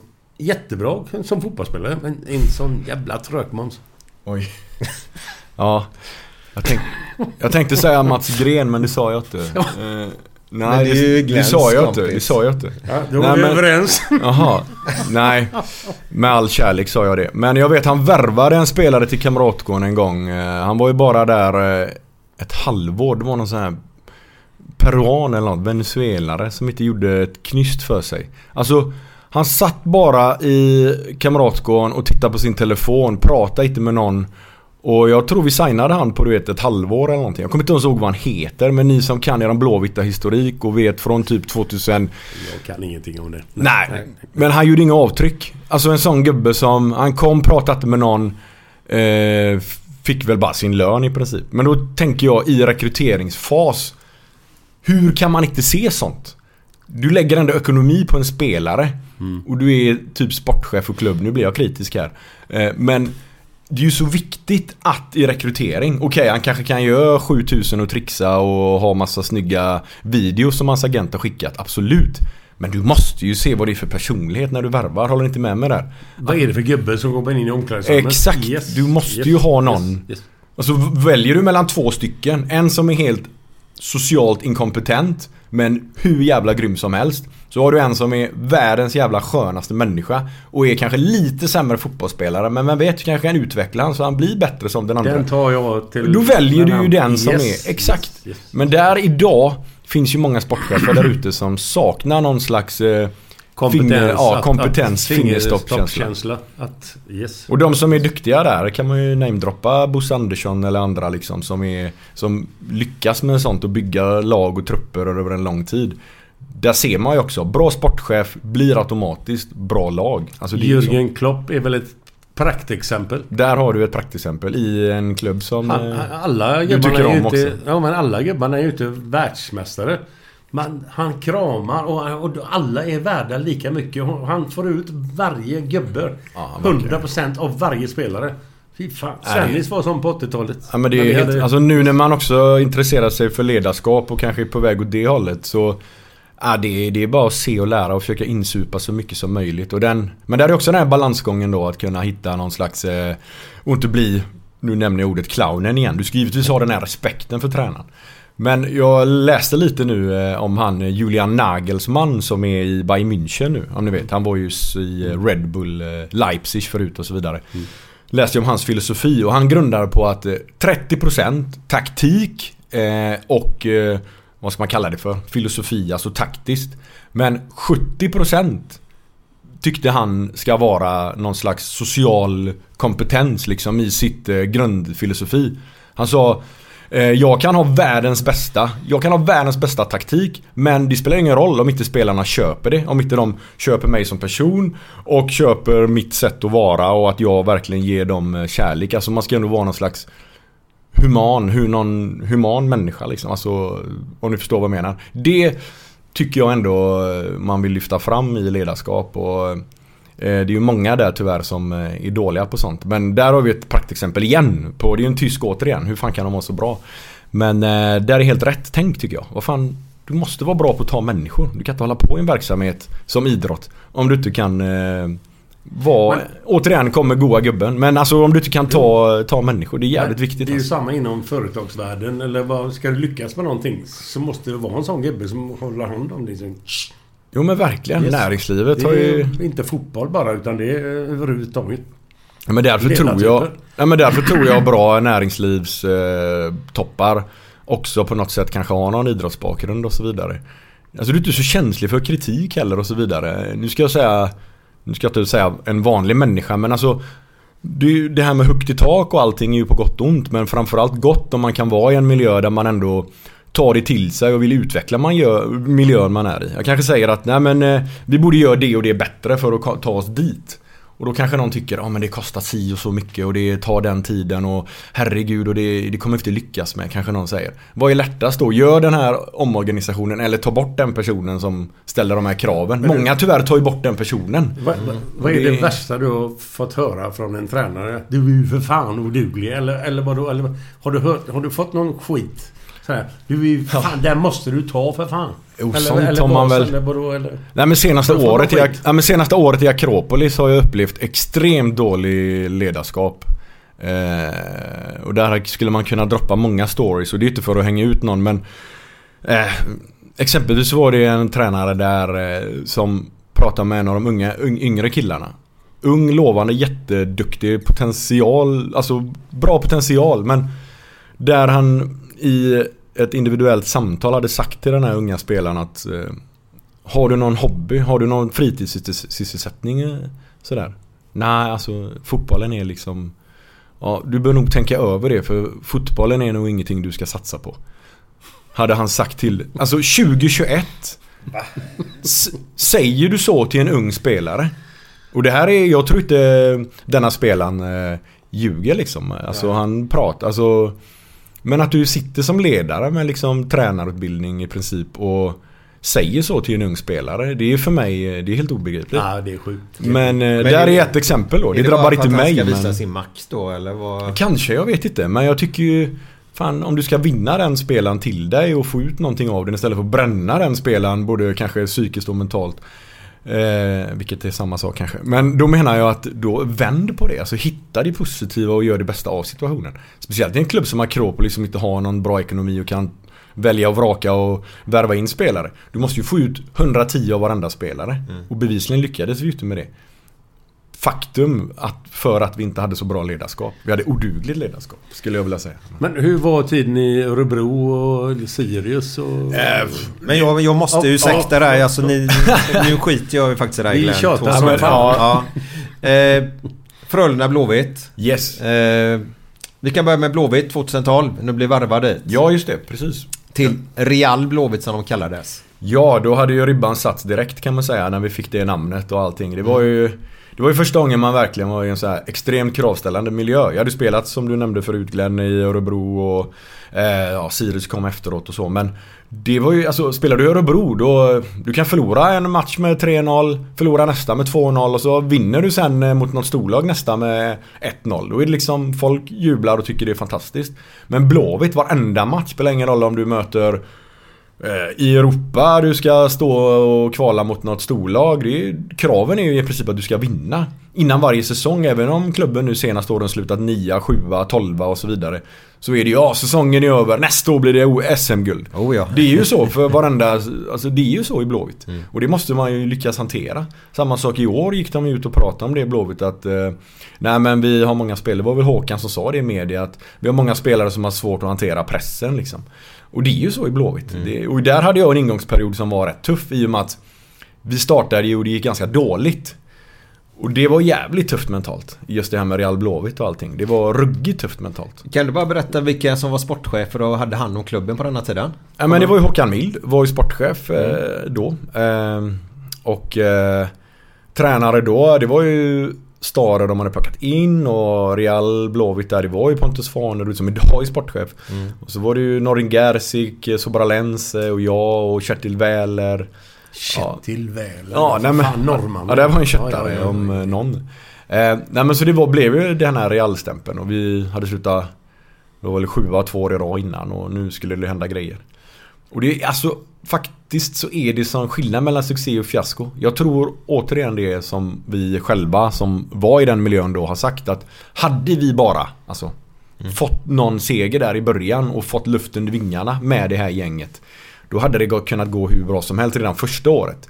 Men det som hände var ju att vi hade liten jävla oflax. Vi hade ju, jag tror om det var andra, tredje matchen hemma, om det var Norrköping eller vad det var. Där de missade en solklar offside, där de hade en skadad back som låg ner vid typ kortlinjen som de inte såg när vi gjorde ett mål och tog ledningen. Som de dömde bort för offside till Hade vi fått det målet, vunnit den och inte liksom tappat första matchen och det var borta mot Syrianska eller vad fan det var som hände. Alltså plocka 3-4 poäng istället för noll i början och så sen var vi bara inne i den här negativa spiralen som vi inte kunde förhindra förrän till sommaren. Jo men det är det jag säger liksom, eh, som jag sa tidigare. Att Ja. Tur, lite flyt åt rätt eller dåligt. Ja, Alltså, exakt. Där det hade det vi- kan betyda så jävla mycket. Ja, men det året var tungt. Inte, inte att det ska betyda allt bara för att man förlorar en match. Men tur behöver man på vägen. Ja, Men ja, ja. yes, Hur, hur gick snacket mellan er spelare efter halva säsongen då? Nej men eh, alla var ju i princip eh, lite så här stjärnor i de lagen de hade varit i och Eh, alla hade väl på något sätt kanske haft någon motgång men nästan alla i truppen och även för Stare var detta den största motgången vi alla hade varit med om nästan innan. Hela truppen och det var ju svårt hur man skulle hantera. Man blev stressad, man blev eh, frustrerad för vi vet att vi kan bättre men hur ska vi få ut det? Klassiken är ju bara om det är bara hårt jobb som gäller. Jo men hur ska vi göra det? Hur ska vi ändra på det? Och, nej men och då, då var det ju Stare och ledarna som kom med det att nej men nu Nu släpper vi den här lite mjuka spelstilen som vi ändå ville ha i början utan nu, nu är det bara Nu ska vi bara säkra kontraktet så fort som möjligt. Alltså i princip Spela enkelt, upp med bollen och kämpa liksom. Och då var det ju så här Ja, det var väl då vi hade typ eh, Filip Haglund och Jakob Johansson på innermittfältet och bollar bara skickades från backlinjen upp och de skulle vinna andra bollarna och sen skulle vi bara typ kötta in den. Det var ju då det blev i folkmun många tyckte att vi var så här eh, brotta fotboll och allt det där. Ja, sen, gick, det. sen gick inte den stämpeln riktigt att ta bort för sen vände vi ju på detta. 2013 blev ju helt okej. Eh, det var väl då vi vann kuppen och så, var det inte det? Eh, då, då kommer kom vi väl fyra, eller vi började ändå få positivitet. Vi började ändå ändra på det och resultaten började komma och vi började etablera oss som ett topplag igen. Sen när man summerar min tid där så var det ju ändå första året sjua. Ja, det var inte bra. Men sen var det ju i princip medaljer eh, varje säsong nästan. Alltså det var fyra vinna kuppen, trea, tvåa, tvåa eller trea, trea, tvåa. Och så sista säsongen då, 16 som var min sista, kom vi fyra. Och jag minns ju sista matchen där som blev min sista, som jag inte visste då. Men då var det avtackning för Hjalmar Jonsson och Adam Johansson som Mm, skulle mm. sluta. Ja men då hade vi slutat fyra. Hur fans typ eh, bua och var liksom, tyckte det var så jävla dåligt. Men tänk då tanken idag om Blåvitt skulle nu lyckas igen komma upp på fjärde plats. Det hade ju blivit bragdguld liksom. Och där vet man ju då, så var ju kraven när jag spelade där. Eh, och eh, då var det ju medaljer som, okej det blev ingen SM-guld. 2015 var vi ju nära. Mm. Extremt nära och borde vunnit. Man grämer ju sig fortfarande idag att vi sålde Lasse Vibe på sommaren. Vi har ju helt 100%. Hade vi inte sålt Lasse Vibe på sommaren, då hade vi vunnit SM-guld ut. Alltså 100%. Varför Jag är såldes- 100% säker då. Varför såldes honom? Ja, men hans kontrakt gick väl mot sitt slut och eh, han var väl mer så här, men det är chansen. Det surrades som Kina men det blev ju Brentford eller något då. Ja, stämmer. Eh, och Norrköping hade ju kvar då Kujovic och alla de andra. De hade ju kvar sitt lag hela året liksom. Mm. Men jag lovar, hade vi haft kvar Lasse, det är 100% Men, men du, SM-guld. vad, vad- hade ni för gubbar eh, i omklädningsrummet? Materialförvaltare, läkare? Vilka, var det... Alltså, Det gänget är ju jävligt viktigt också. Jätteviktigt, men det var ju Vilka kvalitet. Hade ni då? Nej men då var det ju Berra, Bertil, eh, var ju materialförvaltare. Berra, ja. Berra ja, fortfarande. Som alla hade nästan i princip. Men han, han slutade ju den vevan under den tiden jag var där. Så tog de in eh, Roger som jag alltid sa. Roger där. eh, God, fantastisk gubbe. Men Berra Palle är ju... Davidsson, var han med? Ja Palle, läkaren? ja, Palle dök upp ibland. Han var inne lite sådär som... Leif Svärd, var han med någonting eller? Ja, Leif var ju med också. Jättebra. Alltså det är ju toppklass på de här människorna som du namedroppar. Men annars är det ju Fredrik Larsson som sticker ut som är... Den har inte jag koll på. Nej men han är ju med eh, Janne och dem i landslaget idag också. Ja, okej. Men där har du ju en god gubbe om någon. Vi har ju fortfarande kontakt och sådär. Men alla han ens har satt en tejpbit på eller satt sina massagehänder på eller eh, älskar ju den människan. Där har du ju, om vi snackar goa gubbar. Herregud vilken god gubbe det är.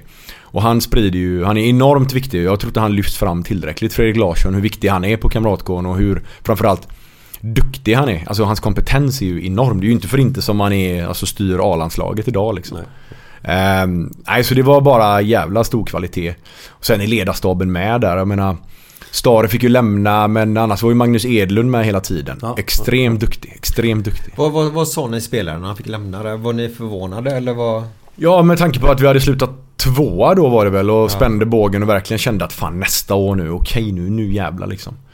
Ehm, men samtidigt med distans och man vet hur branschen funkar och Gren hade kommit in under tiden och Stare var ju Håkans gubbe om man säger och Gren ville bygga sitt. Ehm, Så kan man för på något sätt i och med att man vet hur branschen funkar förstå. Men just då var det ju jätteförvånande och vi hade ju ett sånt tight band också. Han var ju verkligen... Även om det är alltid några som är missnöjda i en trupp med tränaren. Det kommer man inte... Så är det ju bara vilket lagbygge det än är och hur god stämning det än är. Så det är ändå några. Man brukar snacka om 20% men, eller 18-20% Men- och, och kan man hålla dem 18-20 procenten ändå hyfsat eh, nöjda. Då, då lyckas man ju som en ledare. Och det var ju Star ändå bra på då. Han hade ju några gubbar som inte kanske var så nöjda de spelade men ändå var han ju ändå gubbarnas man om man säger. Han, man tyckte ju om honom. Mm. Eh, men eh, så det var ju tråkigt. Men den avtackningen vi spontant själva drog ihop för honom på jag minns det på posthotellet där. Det var ändå jävligt fint. Eh, hur vi gjorde då. Jag tror ju ändå Micke idag när han Även idag men om han sitter på eh, hemmet som eh, 80-åring sen tror jag han ändå kommer tänka tillbaka att eh, det var ändå jävla bra gjort av gubbarna. Kan du berätta? Nej men vi, eh, vi sa det spontant. Ja, fan vi ses idag på Clarion Post och vi beställer bord där. Och så bara sätter vi oss och tjötar där och, för nu är ju inte han en av oss längre men vi måste ju ändå ha avtackning. Det blir ju så dumt i fotboll. Det är bara abrupt. Mm. Någon sparkar, någon får lämna. Sen ska man inte se den människan mer. Någon man har umgåtts med varje dag i typ x antal år. Så är det ju i fotboll. Konstig bransch egentligen, Ja. men så är det ju. Och så blev det ju i Mickes fall. Han bara, nej tack och hej. eh, Du vet, du är inte välkommen på Kamratgården längre. Det blir ju så. Ehm, och då sa jag, men då gör vi detta själva då. Och då blev det ju att vi eh, samlades bara och käkade och köta och hade lite, ja, vi bara umgicks och blev en sån här fin tack av lite.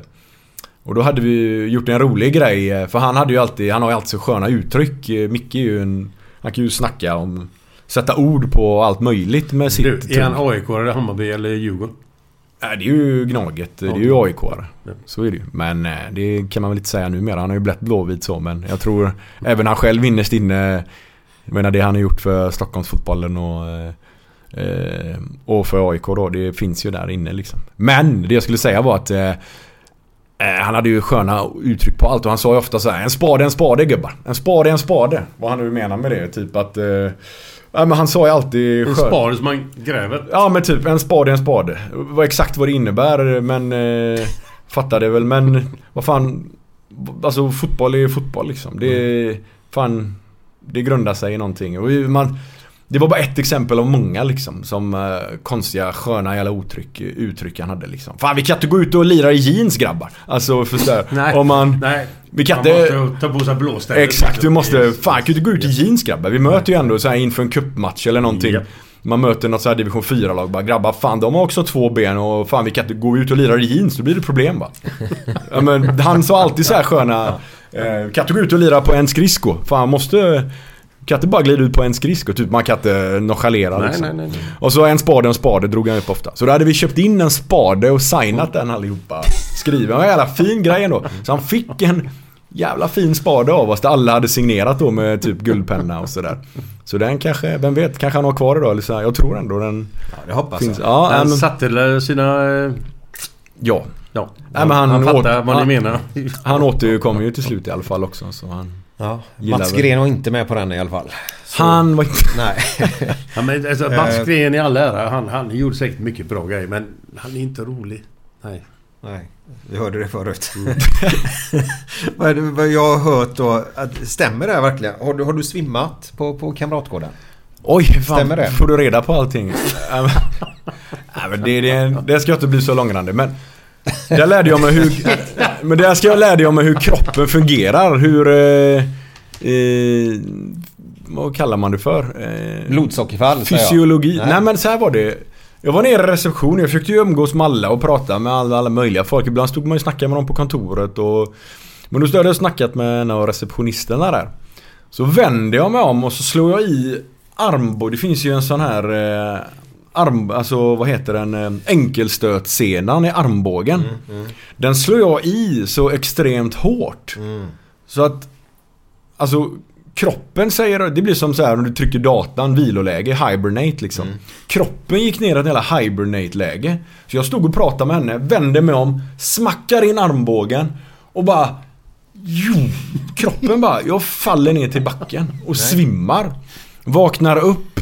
Att det står typ folk från då har kommit ner från kontoret och hon receptionisten och några spelare och även Ja det var la Fredrik där, eh, naprapatläkaren eller sådär, eh, sjukgymnasten i laget, står ju över mig och jag bara typ, vad fan håller ni på med? Vad gör ni liksom? Vad händer? Vad händer? Och de bara skämtar, för de trodde, då sa de faktiskt det bara, sluta skämta, vad gör du liksom? För de trodde jag skojade så här. Och jag bara nej! Alltså jag, "Ja, men du har svimmat, vet du om det? Jag bara "Ja, jag fattar ingenting. Så jag hade varit borta någon minut och sa de då när du ramlade var du skitnära slå i huvudet i trappan här och så. Det var så jävla konstigt.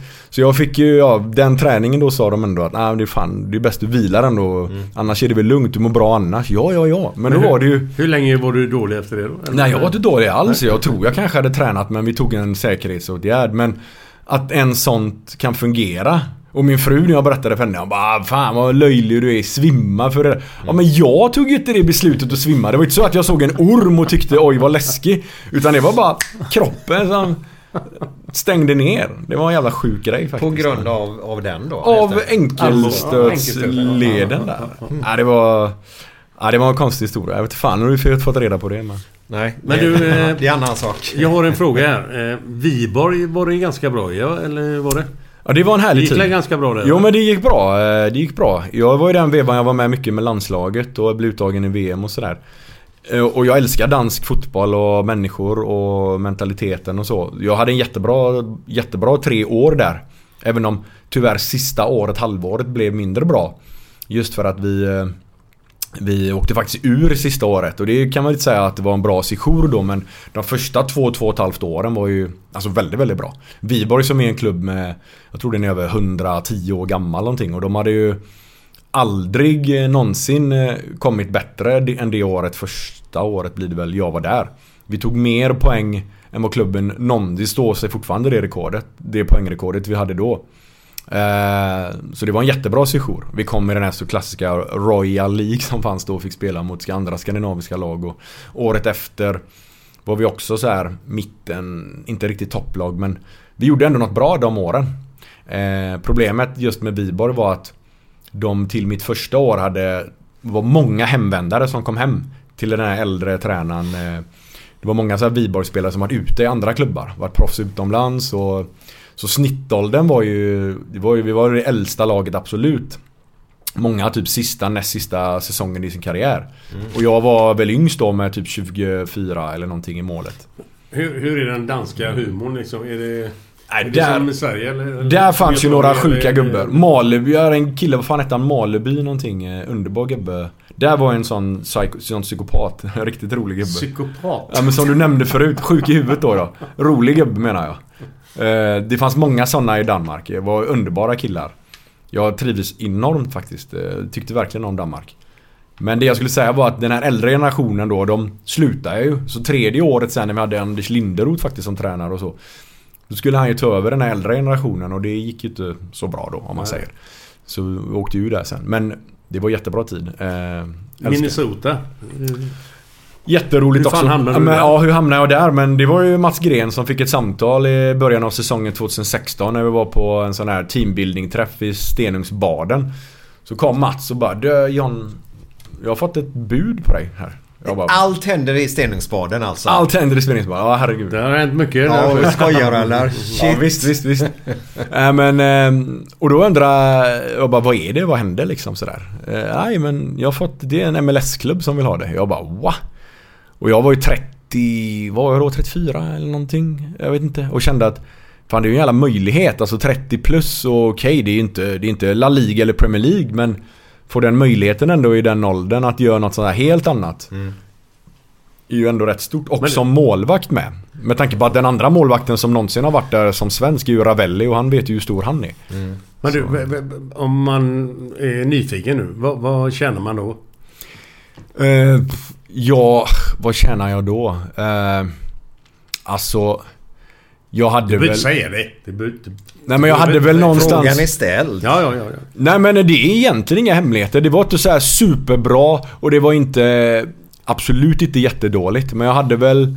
Någonstans mellan 150-200 000 i månaden tror jag. eh, Hade jag väl då. Ja, det är ju rätt hyfsat. Jo, det är absolut hyfsat. Yes. Eh, Men, men eh, med tanke på vad många andra i MLS tjänar så... eh, Alltså jag spelar med en norrman som eh, de efter bara några månader ville säga upp kontraktet med och hade signat tre år. Han blir ju utköpt för... eh, För... eh, Vad fan var det? 550 000 dollar. Det är ju liksom... eh, Jävlar. det är ju, vad är det? Det är ju nästan 6 miljoner eller någonting. Blev han ju, köpte de ur han för liksom. Alltså, och han satt ju på, jag vet inte hur mycket han satt på. Eh, alltså till exempel. Så jag menar, och nu blev det bara att jag var där ett halvår. Så det var ju inte...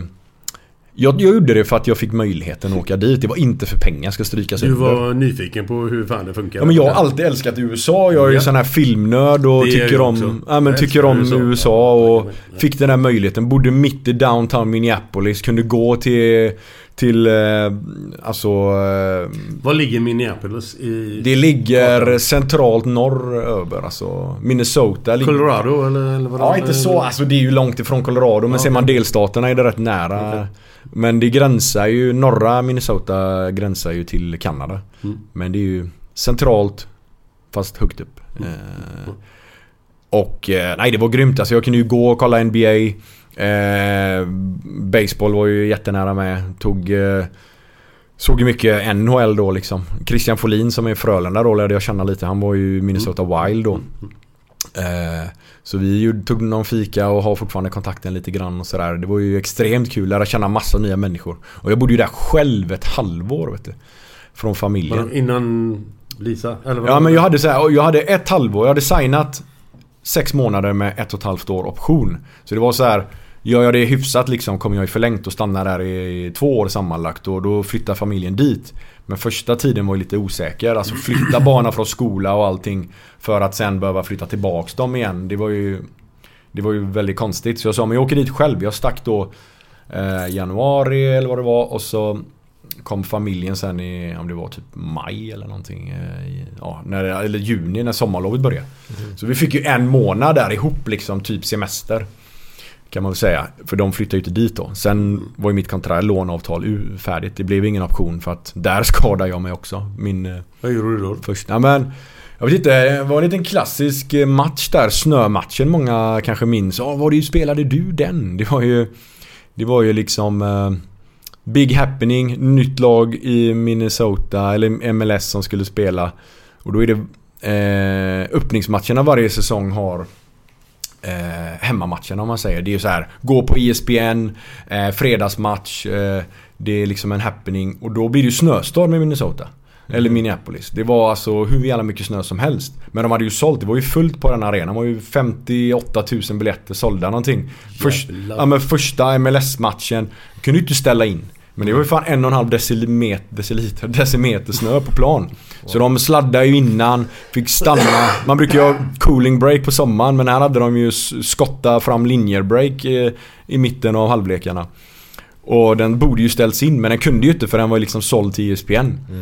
Och i den jävla match, matchen så skadade jag mitt knä då.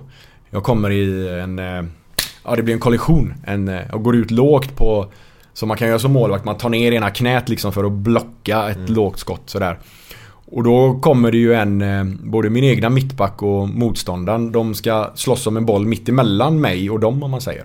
Så de båda glidtacklar ju full fart i snön mot mig. Och jag vill ju bara blocka skottet men eftersom det är snö och de kommer så då kommer de ju, glider de ju rätt in i mig med sina dubbar. Så jag har ju fortfarande typ fyra dubbmärken kvar i ena knät. Så jag skadade ju knät då och blev borta i över en månad någonting.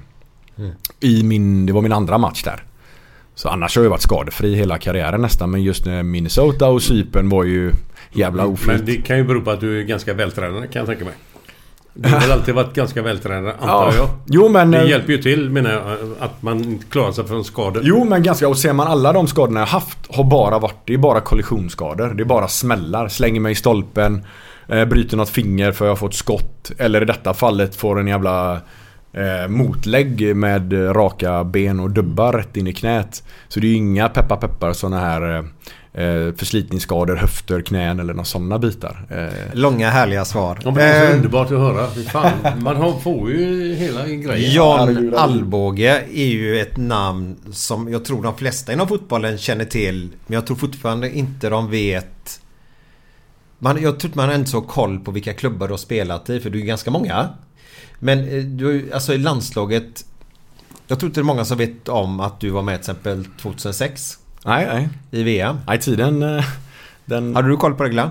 Ja, jag vet att han var med men jag vet inte om du var andra målvakt eller tredje målvakt. Ja, det blev ju Ingen tredje. Ingen Jag aning. hoppades och trodde in för att jag var andra. Ja. Men Ja. Isaksson skadade sig. inte. För VM 2006 var ett väldigt bra VM tycker jag var personligen. det Tyskland? eller? Ja, Tyskland ja. De är grymma på att arrangera grejer. Ja, visst. visst. Eh, Sverige, vi hade ett par härliga matcher där tycker jag personligen. Mycket folk på läktaren. Det var ju Ja, herregud. knökgult. Ja. Det, det var... Det började väl 2004 där med, med, med svenska fansen ute och resa verkligen och stötta landslaget. Och sen 2006 så exploderade Ja, verkligen. Den här Berlin-matchen Paraguay där var ju, Ja. när Ljungberg övergjorde, det var ju otroligt. Med nicken va? Ja, det var ju otroligt. Ja. Det var ju Eh, helt gult. Alltså det var... hur, hur var det att uppleva det i VMet? Nej, alltså återigen när man sitter där med distans och tänker på sådana här grejer. Och tänker landslaget idag, hur... Alltså jag har ändå varit med i det liksom. Och då tänker man bara fan, och nu ser jag på Glens hylla här med guldbollar och grejer. Men, nej men jag menar alltså så här med... Skit i det. Nej men jag menar, du är ju lite äldre än mig. Men... Lite äldre? Nej men idag, med all, all respekt, jag menar så här, eller med jättemycket respekt. Så borde du väl också tänka tillbaka sådär, jag, jag kan inte jämföra mig med dig. Men ändå tänka tillbaks och du bara, fan vad jag har upplevt grejer liksom. Eh, Ja, men jag har varit värdelös på ett VM. ja, men, 90. Det gick åt helvete. det är ändå ett av mina favorit-VM genom tiderna ska jag säga. Men, alltså jag menar det att... Eh, eh, bara en fråga där 90. Vilka höll du på då? Nej men det var ju, alltså Argentina, Maradona var ju min, Ja, ja. eh, Maradona var ju min. Sen Goicoechea, hans VM. Oj, det var ju mycket därför jag fastnade för att bli målvakt. Okej. Goicoechea, fotomodellen som blev, eh, han var ju andra målvakt egentligen. Och han är lille jäveln.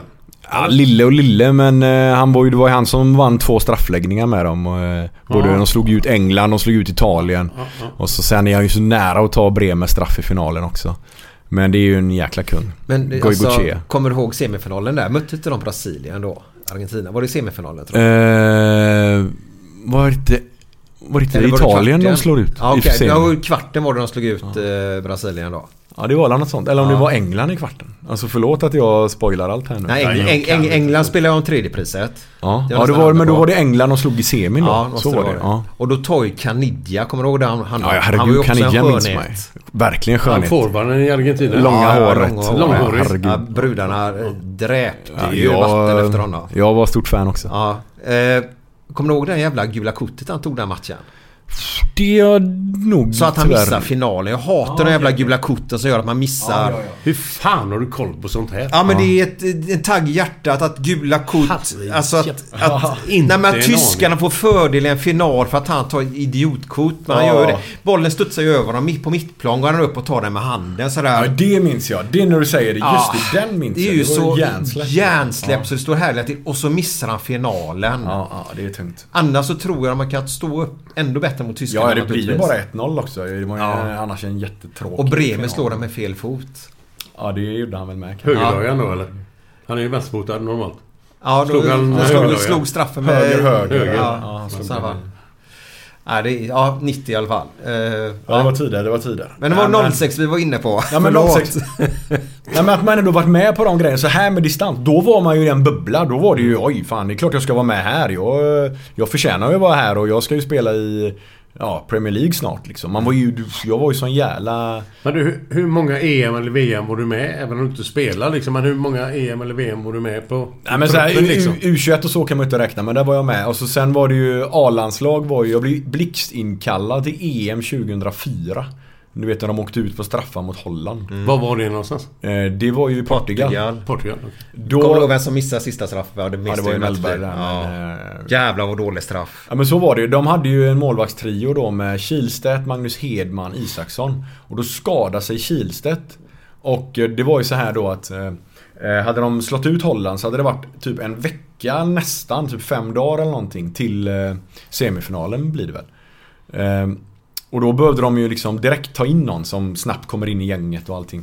Och jag hade ju inte ens blivit innan brukar man ju få ett brev hem och säga ja du är reserv på hemmaplan. Men det hade inte ens jag fått. Det visade jag, hörde jag efteråt sen att det var Eddie Gustafsson som var det.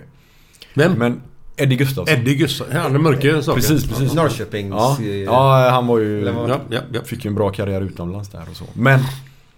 Eh, och i Norge och så var han också. Men hur som helst, då kallar de in mig när Kihlstedt skadar sig. Så de ringer ju mig på midsommarafton. De ringer de fel gubbe. på midsommarafton. När jag liksom, jag minns det så väl för jag... Och du är skulle- dyngrak då eller? Nej, och vi skulle på något knytkalas precis innan man kanske skulle bli lite rund om fötterna. Jag minns att jag stod ju och skulle köpa jordgubbar med Lisa då, min, ja, min fru, flickvän då, fru idag. Och jag får samtal, ja det är Lasse Lagerbäck här. Jag kan inte härma han så bra men. Eh, kan du sätta dig på ett plan om typ, det går om typ tre och en halv timme från Stockholm. Jag spelar i Örebro då. Nej men så här, det går om typ fyra timmar i, vi vill ha ner dig till ikväll. Till samlingen ikväll. Ja, till middagen liksom. Och jag bara Eh, Ja, oh, visst. Så jag fick ju liksom lämna hon med, med eh, jordgubbar och köttbullar och Va, allting. vad sa Lisa då? Nej, hon blev ju lite så här, eh, Hon blev lite så här jippi utan det var ju bara hopp, kul. Så hon blev lite så här, bara, ja ja, stick du då. Alltså lite sådär blev Men det är, ändå, det är ändå en stor grej att du får chansen att komma dit. Ja herregud. så sista 48 plus timmarna var jag ju med då i EM. Bland annat matchen de åkte ur då. Och han var med på någon träning eh, då det bara var så här matchförberedande. Gör lite vad ni vill. Några gjorde kvadraten och fotbollstennis och fotbollsgolf och lite sånt. Där var jag ändå med och körde lite kvadde med gubbarna. Du har alltså varit med i, i nästan, och jag kanske, nej jag, jag säger det. I, I, som jag tycker i alla fall, absolut det bästa landslaget nästan var ställt på en plan. Ja, det var galet bra. För jag vet Offside gjorde någon grej om detta EMet i, vinter, eller i somras och inför förra EM här nu som var nyss. Då tog jag fram lite minnen. Och jag hade ju någon eh, digitalkamera vet jag då. På den tiden hade de inte iPhones och sånt och gick runt. Jag var ju... Gick ju där som en turist kanske och hade med en kamera och sköt lite från höften. Men jag vet holländarna där, så vilket jävla lag de hade med, med van Nistelrooy och van de Sar och van... Eh, vad hette de? Eh, Var det Kluivert till och med? Och, äh, det var alla möjliga. Van Bronckhorst och vad fan det nu var. Bommel och allting. Och så var det ju vårat gäng. eh, Jag menar... Vad hade ni för laguppställning då? Jag vet den matchen blev lite skriverier eftersom de drog in Alexander Östlund som högerback den matchen Mm. minns jag. AIK Eh, ja fast då var han väl i Bayern tror Okej, jag. okej, Men sen skrev man ju på för Southampton efter EM. Men vad hade ni för uppställning då? Nej men vad var det? Det var ju Mellberg, Jakobsson tror jag mittbackar. Och var det vänsterback var ju Edman, kommer inte ihåg det målet han drog Edman, ja. inlägg till, mot Bulgarien. Det var väl samma EM till Henke Larsson där. Sen var det ju... Vad var det för mittfält? Herregud, det var ju... Har vi Ljungberg. Ja, ja. Ljungberg. Sen, och sen var det väl vet du, Kim och de Mm. som... Ja, Anders och Kim var det ju, men det var ju då också Mjällby var ju med liksom. Mm. Jag Jag tror han, var ju mittback då eller? Ja, jag tror han till och med startade på bänken den matchen. Eh, sen tror jag faktiskt Turbo startade den matchen. Gjorde han inte det? Gjorde han det? Ja, det är mycket möjligt. Eller? Men, aha, men för jag vet Anders Andersson var ju med också i truppen. Malmö-nissen.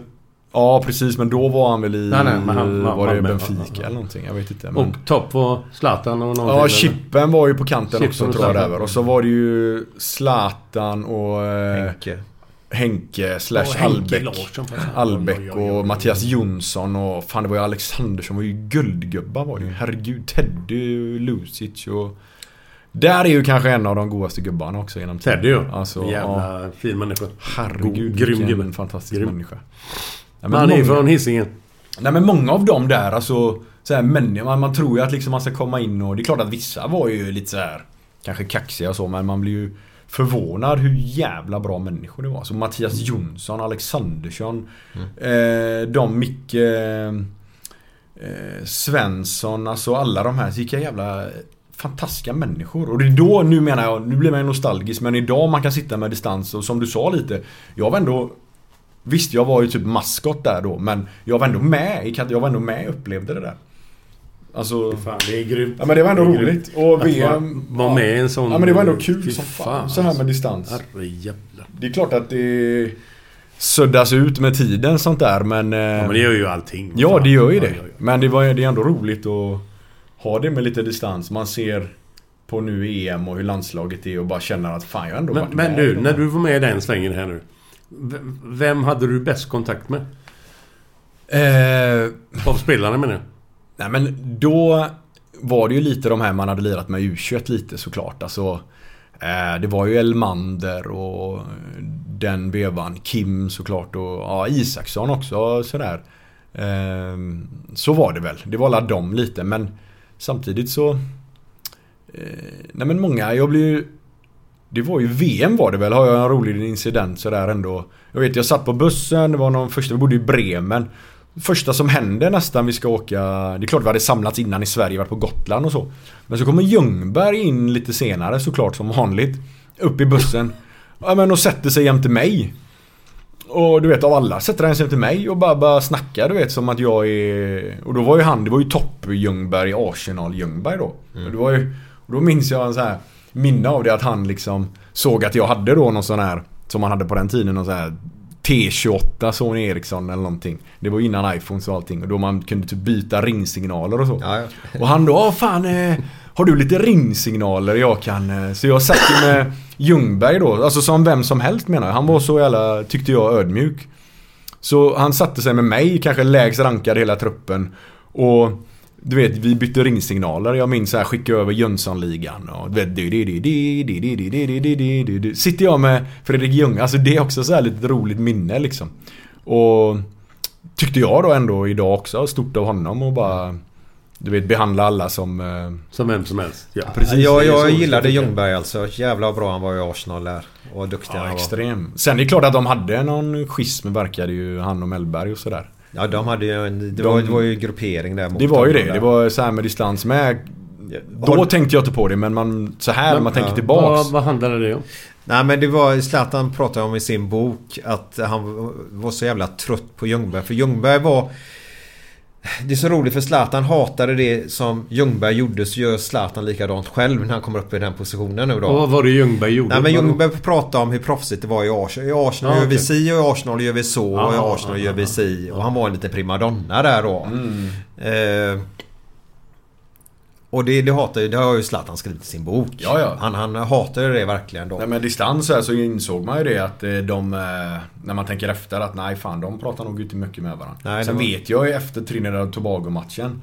Jag var ju kvar lite längre ute på plan. Mm. Eh, kommer in sent och då var det ju hus i helvete. Då, det läckte ju sen i tidningarna med så det är ju ingen hemlighet. Men då var det ju handgemäng och bråk in i omklädningsrummet liksom. Ja. Mellan de två igen. Det hade ju redan hänt i Japan, du vet det som hände på träningsplan. Ja, exakt. Men Ja, där det var det ju man ju läst 0-0 om, ja. 0-0 och besvikelse och så Men det sopades ju Var, alltså- var det i 02 de eh, när Mellberg kapade Ja precis eh, Ljungberg på träningen? På träningen? Ja, precis. och de gick upp och tog tag i varandra. Sen låg det väl och puttra lite Alltså 06 efter 0-0 mot Trinidad och Tobago så Ja.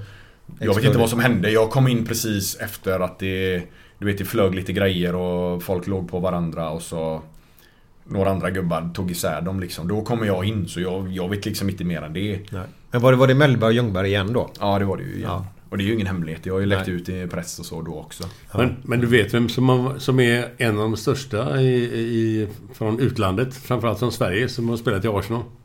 Är det Limpar eller? Ja. Han var hur stor som helst alltså. Så jävla... Det var innan Ljungberg-tiden då. Ja. Nej men det var ju, ni har ju pratat väl om det ganska mycket. Den här SVT-dokumentären som finns Mm. om Premier League. Mm. Ehm, eller det var nog ingen sekvens om Limpar där väl men... Nej, men han, han var med, jo men det var ju han med Han där var ju också. hur stor som helst. Ja, nej fan. men jag har ändå sett nu efter, det var Ja. ganska nyligen, vad fan var det jag såg det? Om Limpar, att Ja. eh, det du berättar just. Mm. Ehm, men man vet ju att han var stor men inte kanske, ja som sagt så. Ja, men Han, han, var, han, han var inte stor kroppsligt. Nej nej nej. nej. ja, men han gör ju faktiskt ett mål i den dokumentären har för mig. De visar. Limpar. ja, ja. ja men så är det va? Ja. Ja men det, jag, jag hyllar den. Jag älskar ju den gamla fotbollen. Jag kan Ja, inte hjälpa det. Jag blir Ja, men hela gråtfärdig den. Nu, nu, nu när vi ändå är inne på det ska vi se här nu. Nu ska ni få en fråga. Ja. Var spelade Limpar i Italien? Han spelade i italienska ligan när jag var där. Jag spelade för Fiorentina i två säsonger med Svennis. Vilket lag spelade han i? Vad heter det? Jag har för mig det är något på S. Sampdoria, Salernitana eller någonting. Men jag kan. Ge, ge mig bara lite. Jag är inne på Como men det är det säkert inte. Ja, det kanske det Nej, det är Cornelius. Ja, det vet jag. Mm. Eh, Vad Det fan, var det ju var... massa svenskar nere då. Ja, det var ju, det var ju Ono. Hasse Holmqvist var i Cesena och... Ja, det var lite innan Ono Krysto-tiden förresten. Ja, men... yes, eh, yes. Jon Kurostoe, jag älskar det Ja, programmet. herregud, alltså. Ah, Ja, jag kom inte från... Nej, nej, nej, nej, nej, Vad nej. spelade, vad Ja, spelade vad fan var det? Det var inte Como, det var inte Sampdoria, det var inte Ja, Salernitana. men det börjar på C. Det är C. Och det är Cesena eller någonting. Nej, det var Holmqvist. Hasse Ja, det var det, ja. ja. Cagliari? Nej. Nej. Eh, nej, nej, det var det du, du kan berätta. Frans. CR. Crotone? Nej. Eh, vad fan? Herregud. Eh, CRE. Cremonese! Yes! Ja, ja, ja, ja, ja, ja, ja, ja. Det, ja nu när du säger det. Cremonese spelar han i. Det är ändå nostalgiskt alltså. Han hade ju en härlig tränare när han var i England också. Ja, ja, ja. Han, I- han berättade ju på det... Det där Över Atlanten, det tv-programmet. De, de tar en segelbåt, seglar över Atlanten. Jo men det var där jag såg det ju! Jaha, var det, Det där var, jag också? älskar det programmet. Ja, ja, ja. Det är ju så här, om någon hade frågat vilket tv-program du helst velat vara med i? Så är det det. Ja herregud, sicken dröm. Vet du, ska jag berätta en hemlis för dig då? Säg. Ja. Det här är... Jag vet inte, får jag lov att säga detta? Jag tror det. Ingen aning. Eh, ja, vi fick lite avbrott där. Eh, Jag skyller på katterna fast det var inte deras fel. Eh, jag skyll på dem. Den bara dog här nu, våran... eh, våran Inte katten. Dator. När katten... Det varit Förl- ganska skönt om den dog. Eller dam. En yxa så. Yxa. Nej, det är lite jobbigt. Eh, jo, var- en hemlis Ja, var det det. var Det, det på, dog, på ja. programmet där. Eh, vi pratade Ja, om. Över Atlanten. Ja. Med Anders Limpar där bland annat då. Då var det så här att... Eh, jag säger det nu så får vi se om det är okej för dig Glenn att jag säger detta. Men jag tror det. Skiter i vilket. Glenn fick förfrågan att vara med i det här programmet. Och är det något program han inte har fått förfrågan att vara med? Det är. Vetenskapsvärlden! Vet- Där har du inte fått ännu va? Vad heter den? Fråga farbrorn eller vad heter den? Fråga doktorn.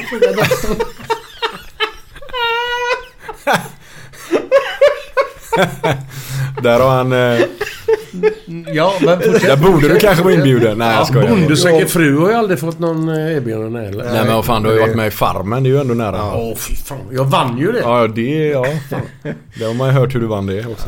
Nej jag skojar bara. till Sjöberg. Ja det var, jag hörde ju, det var ju denna podden han berättade ju. Herregud. Och jävlar han berättar hemlisar. Ja världsklass. Ja men fortsätt nu. Ja fortsätt. Ja, ja. Ja, Man berättar hemlisar i avsnittet. Ja, ja. Som, som inte man visste om. Eh, de hade bättre än vad folk hade på hotell ju till och med. Men det är en annan... Ja, eh, får ni lyssna på det avsnittet. Eh, jo, Glenn fick förfrågan att vara med i det här programmet. ja. Och det här tror jag spelas in. Var det februari eller sånt där? Ingen aning. Eh, men så eh, hörde han ingenting mer. Det var bara helt stendött. Och sen kom programmet. Det var Henke Larsson med istället. Oj så oj de oj. bytte gubbe där. Ja, ja. Fy fan. En, jag- jag en landslagslegendar mot en Ja, annan. exakt. Jag tackar nej på grund av att jag är sjösjuk. Och ska jag vara med där Du är- supa skallen av sig först man jämnar ut vågorna liksom. Ja, du ska ju inte åka ut till, du ska inte åka ut till Björke direkt. Det är ju, det är ju Nej, liksom... det är ju över hela jävla världen. Ja, det är ju en bit. Så om man är dyngrak så är det ju lugnt. Herregud, du jämnar man ut grejerna. Men sitta där nykter. Fy fan, aldrig i livet. Tänkte Glenn, frågar doktorn. Jag har problem med sjuka, vad ska jag göra? Ge mig en back öl. Ja herregud. Du hade Va, va, du, vad hette hon? eh, Fråga doktorn. Vad fan hette hon? Ja, det var det vi pratade om Susanne senast ju. Ja. Susanne... Jag har sagt Vanefält och sånt där men det är väl något Ja, annat. Lanefält, det var ju aerobics, var det inte det? Nej. Ja, la, Jo, Knip! Yes. Hette Ja, ja det var där på Ja. 80-talet. Ja, ja. Susanne Laneknip ja. Ja, på, på tal om 80-talet som vi gillar då. Ja, verkligen. Det är ju favoritårtiondet. Men vi var där på 2006 i alla fall, det VMet där då. Eh, och så började de ja. slåss där. Så var vi inne på Ljungberg, så kom vi in på Atlanten. Atlanten och så eh, Limpar. Limpar också helt plötsligt. Cremonese. Ja. Cremonese, ja. Det var där den stora frågan var. Mm. Men eh, han gick med och de började fightas. Ja, så det... så, det, det så någon schism med det där i alla fall. Eller var. Ja, eller var. Eller jag tror väl inte de kanske inte firar jul ihop heller nu för tiden. Men... Nej. Så Men, men. Men, men är man så långavig? Jag har ingen aning och detta är ju inga hemligheter det jag berättar. Det stod ju, det läckte ju. Det var det som var en ganska stor grej att jag hade läckt sen. Men du, det var mycket som läckte under 2006. Ja, det var ju, fan vi hade ju sånt möte där. De ville verkligen... Eh, Lagerbäck minns jag stod där och liksom eh, skulle prata och... Ja, att det hade läckt var han knäckt över. Han var ju Ja. väldigt anti-media och idag jobbar han själv i media. Ja. Men det kan man ju förstå för de blir väldigt brända han och Tommy Söderberg och alla Var det de här. Söderbergs var andretränare då eller? Ja, eller var det Rolle VM? Nej. Nej, det var Det Söderberg. var Söderberg var med. Men hur som helst så att, att det läckt, det var en sån jävla grej och vi satt ju där på, hade sånt där extrainsatt möte och vi skulle typ ta reda på vem det var och grejer och jag vet inte vem det var idag. Jag har hört rykten om vem det kan vara men jag vet inte fan. Men då var det en big deal i alla fall. Ja, och det, det som jag sådär som supporter blir lite besviken på om vi tar Aftonbladet då. För de, de, de var ju de som fick startelvorna jämt och frisparksvarianter och de, alltså de fick ju mycket information. Och då blir det så här, vad fan vi är svenskar, vi ska möta ett annat jävla land i fotbolls-VM. Sprid inte våra... Nej, nej. Bara för att ni ska få klick då. Sånt där kan jag ju bli eh, Ja, jag håller med. patriotisk av. Verkligen. Att hata sådana... Nej, det var inte jag i alla fall. Nej. Vad hade du i lön sa du? eh, men det var ju mer grejer 2006 där jag kommer att tänka på nu. Det var ju där som supportrarna höll på med Kim och Anders Svensson. Mm, ja, oh, Vad var det då Jo, nej men det... Ja, men under, under en träning så tror jag att det är Anders Svensson som, som supportrarna... tacklar- Nej, supportrarna buar åt Anders Svensson och klappar åt Kim Ja, så var det nog. under en träning. Eh, och det hör man ju väldigt tydligt på de tv-filmerna eller de filmerna som finns därifrån. Och vad hände sen då? Eller vadå? Eller Nej men det var ju där, ska Kim eller Anders starta? Kim Jaha, eller Anders starta? Vem som ska ta första platsen på Ja. mitten. Nej, men så hade man Okej, öppnat träningar då och det kom fans dit. Och det är ju inte så speciellt trevligt. Nej, det var en väldig där och jag vet Anders tog ju väldigt illa vid sig då. Ja, nej men... Men... Ja, det var en jäkla trevlig tid i alla fall. Att träna och spela med de här gubbarna hela tiden. Ja, världsspelare. Ja, ja, alltså det var ju Juve-Zlatan med. Det var ju, han var ju då, det var väl under tiden han var i Juventus. Det var ju... En, alltså Zlatan har varit bra hela tiden, men Mm. just den eran Juventus, den lite yngre Zlatan var ju så jävla skön på något sätt. Ja, på den tiden han fortfarande kunde dribbla och göra de här. Det kan han ju nu med, men du förstår vad jag menar. göra de här sjuka grejerna. Han har en helt annan spelstil idag. Men eh, det var ju ofta så här, stod kvar efter träningen och så tog han ju någon keeper då, givetvis mig då. Eller den här kanske tredje fiolen och körde lite extra med. Och med, ja, även om jag snackade om Kim förut som är väl den jag kanske minns som skjutit hårdast. Men ingenting går upp. Alltså Zlatans skott, det är det hårdaste jag har varit med om. Alltså någonsin. Ja. Kim sköt ju som en jävla häst sparka. Men eh, Zlatan var ju, det var ju en växel till alltså, minst. Otroligt jävla tillslag. Jag vet, jag kommer ihåg en frispark när han drog en när han spelade Barcelona där. Precis utanför straffområdet. Han bara gick på kraft. Men målvakter står bara och tittar. Han, han hann ju inte ens få upp händerna ju. Nej, nej, nej. Det var bland det värsta skott jag Nej sett. men alltså det, det går inte att förklara liksom. Nej. Så jävla hårt alltså. Eh, ja, nej så... Men du sa ju förut att det är kul att se två guldbollar. Jag tänkte det är ju kanon, det är ju grymt. Så kommer en jävel som har 12 guldbollar.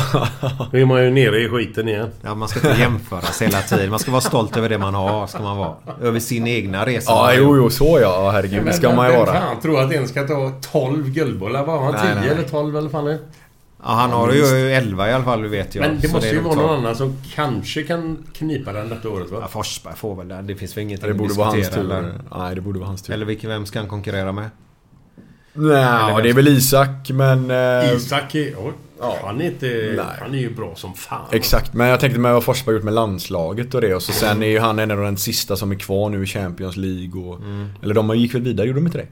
Eller åkte de ut? Skitsamma, de är väl... Nej, Nej, de åkte väl ut. Ja, de åkte ut, men kom till Europa League var det väl då kanske. Eh, Men jag menar det att han gör ändå avtryck i klubblaget med. Är ju deras första straffskytt och...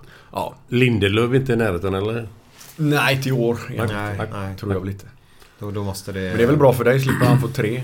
Han har väl två menar jag. Har till Lindelöf två? Oj, Inte, inte någon. Inte en. Nej men jag menar en mittback som går om dig, det är ju inte bra.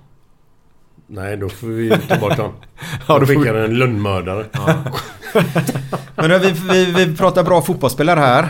Eh, I den här podden så har jag hyllat en spelare x antal gånger har jag gjort. Eh, inte jättemycket men jag, jag är så otroligt eh, ledsen över att den här spelaren inte fick sin karriär så som jag ville att den skulle bli. Alltså vi, vi pratade förut, ha tur eller inte tur, skador eller ska, inte skador. Eh, och det är Hasse Blomqvist. Ja, ja. Det, det, det är ju en... Älskar ju sådana lirare. Och du Ja, har ju men- spelat ihop med honom. Men när du säger sådana lirare, det finns ingen och har inte funnits någon innan eller efter som Hasse Blomqvist.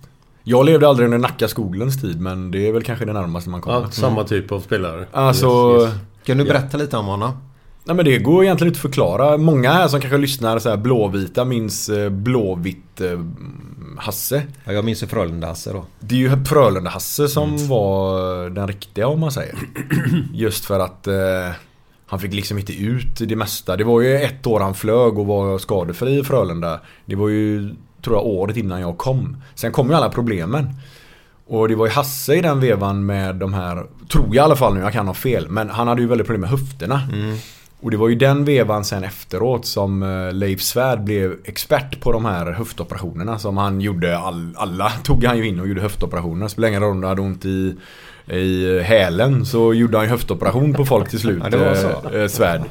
Men mycket var ju, tror jag, eller vad jag hörde, tack vare att han lärde sig mycket av eh, Hasses problem då.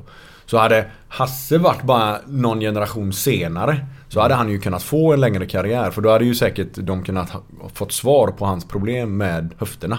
Så han hade ju bara tur, eller otur menar jag med skador. Enormt. Hade du någonting med Jon Karlsson att göra, läkaren? Ja, han har hjälpt mig Ja. enormt. Alla Yes. mina stora operationer som blev med axeln och... Eh, vad var det mer? Eh, vad fan var det mer? Jo, armen bröt jag ju 2014 med Blåvitt och så. Och fick problem med den när jag var i Cypern, eller i Sirius också. Hur fan bröt du armen? Vad hände då? Jag blev ju avnickad borta mot Kalmar 2014. Jag boxade ett inlägg så kommer det en och fullföljer en nick. Så istället för att han nickar bollen nickar han på mitt. Du har ju två ben i underarmen. Radius som är det stora. Och så har du ulna som är lite mindre tunnare. Och ulna då eh, nickar någon jävel av i Kalmar där. Fan. Men jag fullföljde matchen så 25 minuter någonting. Eh, Spelade du 25 minuter med bruten arm? bruten arm? Jajamän. Hur fan gör man det då? Nej jag hade ju ont som fan men kände ändå, jag visste inte att det var brutet. Jag hade ju hört någon sån här inre klickljud gjorde jag ju men jag tänkte Okej det är 20 minuter kvar, vi lirar på. Men efter matchen när jag lossar handsken Då släpper någon slags, eh, alltså blödningen får fart då. Det hade ju varit ett tryck lite då när jag hade haft handsken Mm. hårt som man har på match. Då kände jag att det bara rusade blod och fick en annan smärta. Och ja, det var ju Fredrik Larsson då som gjorde lite så här. Ja, jag ska känna hur armen är då. Det känns stabilt men då tog han så här lite tusen nålar grepp. Aj. Och så bara drog han till och då kom det där jävla klickljudet igen. Då drog han den på plats då. Och då insåg, sa han ju då bara fan du har eh, fraktur alltså. Det är sju, sju veckor här nu. Oh. Men då var det ju eh, Då var det ju Jon som eh, Och han går ju i pension nu, han borde ju hyllas. Ja, exakt. Han bor uppe i. Floda om jag läste rätt. Någonstans där uppe. Ja det va? kanske han gör ja. Men eh, herregud han har hjälpt mig men jag är ju bara en av hundratals eh, duktiga idrottare han hjälpt. Han har hjälpt mig också. På Medical Center. Ja, det ser man. Ja. Han bytte hjärnceller på honom. Ja, ja då har du inte hjälpt. då har du inte hjälpt. Jo, nej, men jag hade så jävla problem med en axel. Ja. Eh, så går jag in till honom och så förklarar jag alltihopa där och så... Jag har sökt här ganska länge då men det fick inte... Alltså svinont. tar han fram en spruta, en lång jävla nål och så trycker han in den i axeln på mig. Och så sprutar han in någonting där i. Sådär. Och så, för jag fick inte ens upp armen alltså. Så fort jag bara kom ja, upp lite grann så gjorde det skitont. Sen så testade jag lyfta armen nu då. Jaha. Jag var helt, helt frisk. Fan vad grymt. Jag har gått in en ledkapsel och sprutat in eh, kortison. Ja. Han har gjort. Och Var träffat- Glens provrör han tog då? Ja, jag tror Nej. det. Mitt provrör. Ja, Nej, det var kommer du ihåg det? Nej, nej. Strunt i det. Det var, ja. Ja, men Eller också vadå? vill jag förtränga vi, det bara. Vi brukar ju alltid komma tillbaka i, i det vi börjar med. Du kommer inte ihåg det va? Jo, det gör Ja, jag. Ja, nej men, eh, ja, men han är ju fantastisk. Herregud. Ja. Så han hyllar vi här. Men det är ju det som är så gött med alla de här runt omkring. Att det är Ja. goda människor som är med. Inte som spelare, men som, som är med i truppen. Liksom. Alltså, Jon Karlsson, Leif Svärd, vilka jävla underbara... Palle Davidsson, vilka Ja, ja. gubbar. Vilka Ja, jävla underbara människor. Nej men att- Tobias Linderoth var med 2004 i startelvan. Ja, ja, ja, ja. Och han Han är ju för tränare sedan. för... Skövde. Som gick upp. Istället för Akropolis. Ja. Ja, exakt. Så där har vi fan en... en, en, vad Koppling där. Koppling i alla fall. Jag är glad för hans skull såklart. Det, det dumma var att vi skulle inte ens behövt hamna i kval. Hur är han som person, Linderoth? Jag har aldrig träffat honom. Nej men jag hann bara hälsa och säga lycka till nu inför de här kvalmatcherna och så. Men innan upplevde jag han som en av de här kvalitetsmänniskorna. Framförallt jävligt lugn och sansad och... och Typ som sin farsa då eller? Ja, och hans pappa har jag träffat mer som jag hade Ja. han som tränare i eh, Viborg under ett år var det väl. Var han lugn också eller? Ja, lugn och sansad och jättehärlig människa. Eh, Så, så jag har haft förmånen att träffa både far och son Linderoth då. Men eh, eh, kul ändå att det går bra för hans tränargärningar här nu i Skövde. Även om det gick ut över oss. Men där ser man vad ledarskap gör. Har du bra ledarskap så kan du ju under. Vi hade dåligt ledarskap och vi hade bra spelare. Dåligt ledarskap, bra spelare. De hade väl kanske sämre spelare men bra ledarskap. Och då kan man få ut mer. Vem är den bästa tränaren du har haft någonsin? Ja, vi var väl inne på det förut. Du tog ju in Ja, men- Dan Ivarsson. Men jag kan ju nämna där. Nej, men Dan Ivarsson. Det var han jag var ute efter. Nej, men jag- För det var en gubbe som inte ingen jävel vet om. Nej men då är det kul att lyfta fram han. Han är en fantastisk människa. Och han har den här... eh, Jo, men Johan Mattsson måste vi säga. Johan Mattsson och Ja. Fredrik Ahlstrand och sådär. Ja, men de är grymt duktiga. Så där ska ÖIS vara jävligt lyckliga över den eh, ledartrion. Men den fotbollsfilosofin som han har, är det att behålla bollen inom laget och släppa bollen ganska mycket alltså, eller? Ja men det är mycket possession just där. Men inte possession bara för att hålla i den. Utan de vill ju givetvis skapa också. Mm. Absolut, han är väldigt Pep Guardiola-influerad. Men det handlar mycket om att skapa övertag i ytor. Liksom på kanter. Han kan liksom överbelasta med en mittback på kanten, förstår du mig? Mm. För de är så pass trygga och bolltrygga och har en filosofi. Och då, då blir det ofta problem. Ibland när du möter ett sånt lag så bara hur fan ska vi göra? De är ju två, tre, fyra gubbar mer än oss upplever många lag för att de lyckas etablera mycket folk på vissa ytor och tappar de boll Booms så ska det ha de många folk i de ytorna de tappar boll. Alltså den här direkta återerövringen många jobbar med idag. Barcelona... Ja men de vinner tillbaks den direkt liksom. Det kan till och med vara en taktik ibland att det är bra om vi tappar bollen i den här ytan. För då när motståndaren vinner boll tillbaks Lyckas vi ta den igen, då är de under några sekunder i obalans. Precis när de har tagit den. Så det jobbar de ju mycket med också liksom. Och eh, jag menar Lindome där, det de gjorde och den resan de gjorde fram till eh, division 1 och sista året innan de lämnade som jag var med i Lindome. Då kom vi ändå fyra efter Värnamo och Landskrona som bevisligen har gått rätt bra. Och utsiktningen, som, utsikten som bevisligen gått rätt bra. Där var ju Lindome. Så hade vi fått behålla hela ledarstaben och de spelarna exakt i den truppen så hade vi ju kunnat vara där och utmana Utsikten i år. Det, det ropas ju Men lite. det är ju bara om, det är ju Ja, ja, hypotetiskt, själv- det jo, inträffade Det är ju aldrig. det som är så härligt med fotboll. Mycket om. Men det är ju det, det ropas ju på stan lite grann. ÖIS, det är ju Lindome som spelar där ju. Men eh, det är på gott alltså. Ja. Du ser ju de killarna som har tagit in. De tog Aydin Selkovic, vinner skytteligan på 19 mål eller någonting från Lindome. Han var ju... Ingen trodde på honom förutom Lindome. För de är ju så duktiga att kunna ge sådana killar som kanske är lite kantstötta som har varit i någon akademi och stora talanger och har inte liksom flygit i ett elitlag. Jag menar Aydin har ju varit i Gais och inte fick det att flyga där riktigt. Får börja om lite i division 1. Så jag, all, jag är glad att jag tog den vevan ner till ettan för där är du fotbollsspelare på riktigt om man säger det så. Du spelar i ettan, noll ersättning. Du tränar nästan lika mycket som ett elitlag. Får lägga ner nästan lika mycket tid men du måste också jobba vid sidan av för du, inte du har ju inte de här 80 000 i månaden som du har i Blåvitt kanske så du kan eh, Du vet Bara spela fotboll och sen gå hem och spela FIFA utan du måste ändå jobba Du kanske står på bandet på Volvo och sen eh, halv fem på morgonen Fram till eftermiddagen sen åker du direkt till Lindevi och ska träna i två, tre timmar Sen hem och säga hej till frugan och barnen och så sen om och om igen varje dag Men, Det är ändå va- respekt Varför sket det sig för guys? Ja, bra fråga Är de så jävla dåliga? Ja, då, jag säger det, man är aldrig bättre än sin, sin styrelse säger jag jämt. Jag vet inte varför jag säger det. Styrelsen? Nej men alltså organisationen Det är väl då. fotbollen på plan det Ja men du måste ha en bra organisation. Men Jo, jag var inne lite på ledningen. Det är ofta, lite sådär som man bäddar får man ligga. Mitt Mm. gamla lag Örebro SK också. Eh, De åkte ur nu, va? Ja, de åkte ju också ur. Alltså det är lite så här. Det sipprar ur sig. Det är klart det är spelarna som sitter. Kanske någon tycker som sitter i någon styrelse eller i någon sportchef tycker att ah, han bara skyller ifrån sig för han är spelare. Men ja, absolut. Vi spelare har ju det största ansvaret. Vi är på planen. Men du måste ha någon slags trygghet och någon slags eh, taktik, filosofi. Du måste ha någonting att tro Kontinuitet. på. Kontinuitet. Du måste ha någonting, något ledarskap som ändå håller gruppen intakt och jobba med det. Är det bara folk runt omkring som kanske inte håller riktigt kvalitet, då sipprar ur sig på fotbollsplan. Det blir ju så. Så Mm. återigen, som man bäddar får man ligga lite i det i alla de här klubbarna. Du, du som eh, kan allsvensk fotboll där och, och ledare hur det ser ut där. Jag, menar, Jag måste tog- gå och tömma jojo Tar vi bara Djurgården och Malmö så har de ju haft ganska mycket samma folk i, längst upp. I ganska lång tid nu.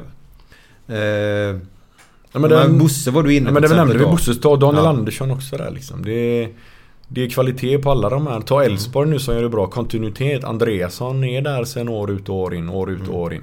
Och tror på det liksom. De vacklar inte. Det... det Därför nej. måste väl Håkan Mild vara en bra gubbe för Blåvitt eller? Ja men man hoppas ju det. Alltså jag vet ju, jag tycker ju, jag älskar ju Håkan. Tycker det är en fantastisk människa och extremt duktig. Extremt, extremt duktig och helt rätt man på rätt ställe och så vidare och så vidare.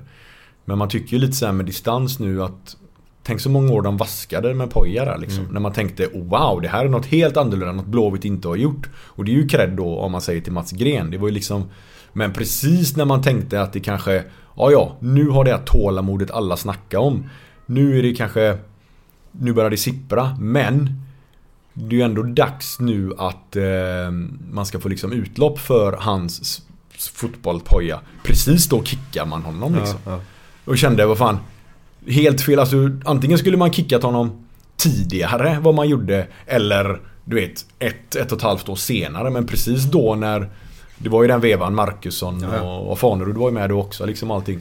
Men det kändes bara, men nu kickar ni honom. Det var ju liksom helt fel tyckte jag då. Men Och sen så är det också, han hade ju ingen budget att jobba med. Alltså alla spelare, jag menar på sommar fick de ju Nej men det var ju en tuff tid då ekonomin. Nu har de ändå vänt det här och det är väl något bra som Håkan har varit en stor del av. Och köpte de inte tillbaks till och med Kamratgården nyligen? Och så Ja, de har Jo, beslutat att de ska 47 göra det. miljoner, eller 45 miljoner, fan var det? Ja, men de... Ja, det tog la Marcus Berg ur egen bakficka kanske. Nej men, nej, men Ja, skämt det är möjligt, det vet Skämt inte. åsido. Eller också kanske... Han vill ju in igen, Nisse Wiberg. Precis. Nej men skämt åsido, jag skojar bara. Finans. Han kom, kommer Exakt. nog kunna härja lite tror jag. Nej men där är en gubbe också. Det är bara att omfamna en sån gubbe. Han är grym. Fan, grym gubbe. Jag älskar Nisse. Han är jätte... Vi har haft med han i podden ju. Mm, mm. Nej men han är... Det är bara tråkigt att han inte är där nu men eh, det går rykten om att han är på väg in på något sätt vad det nu skulle innebära. Men att se liksom de gubbarna stå och fira med Djurgården när de tar guld. Det känns ju liksom bara... Ja herregud det ska ju vara Blåvitt liksom. Ja. Men eh, de har ju något gött på G nu tycker jag ju. Herregud. Alltså att kunna, vi var inne på det förut, att kunna vända något negativt och till något positivt. Så blev ju denna säsongen och att eh, eh, de nu kan bygga på det liksom. Jag tror hela klubben och även de som kommer hem från ett proffsäventyr, de här fantastiska gubbarna, gubbarna Wendt och eh, Berg och allihopa som kommer hem. De fick sig kanske en liten törn självförtroendemässigt under året som var nu.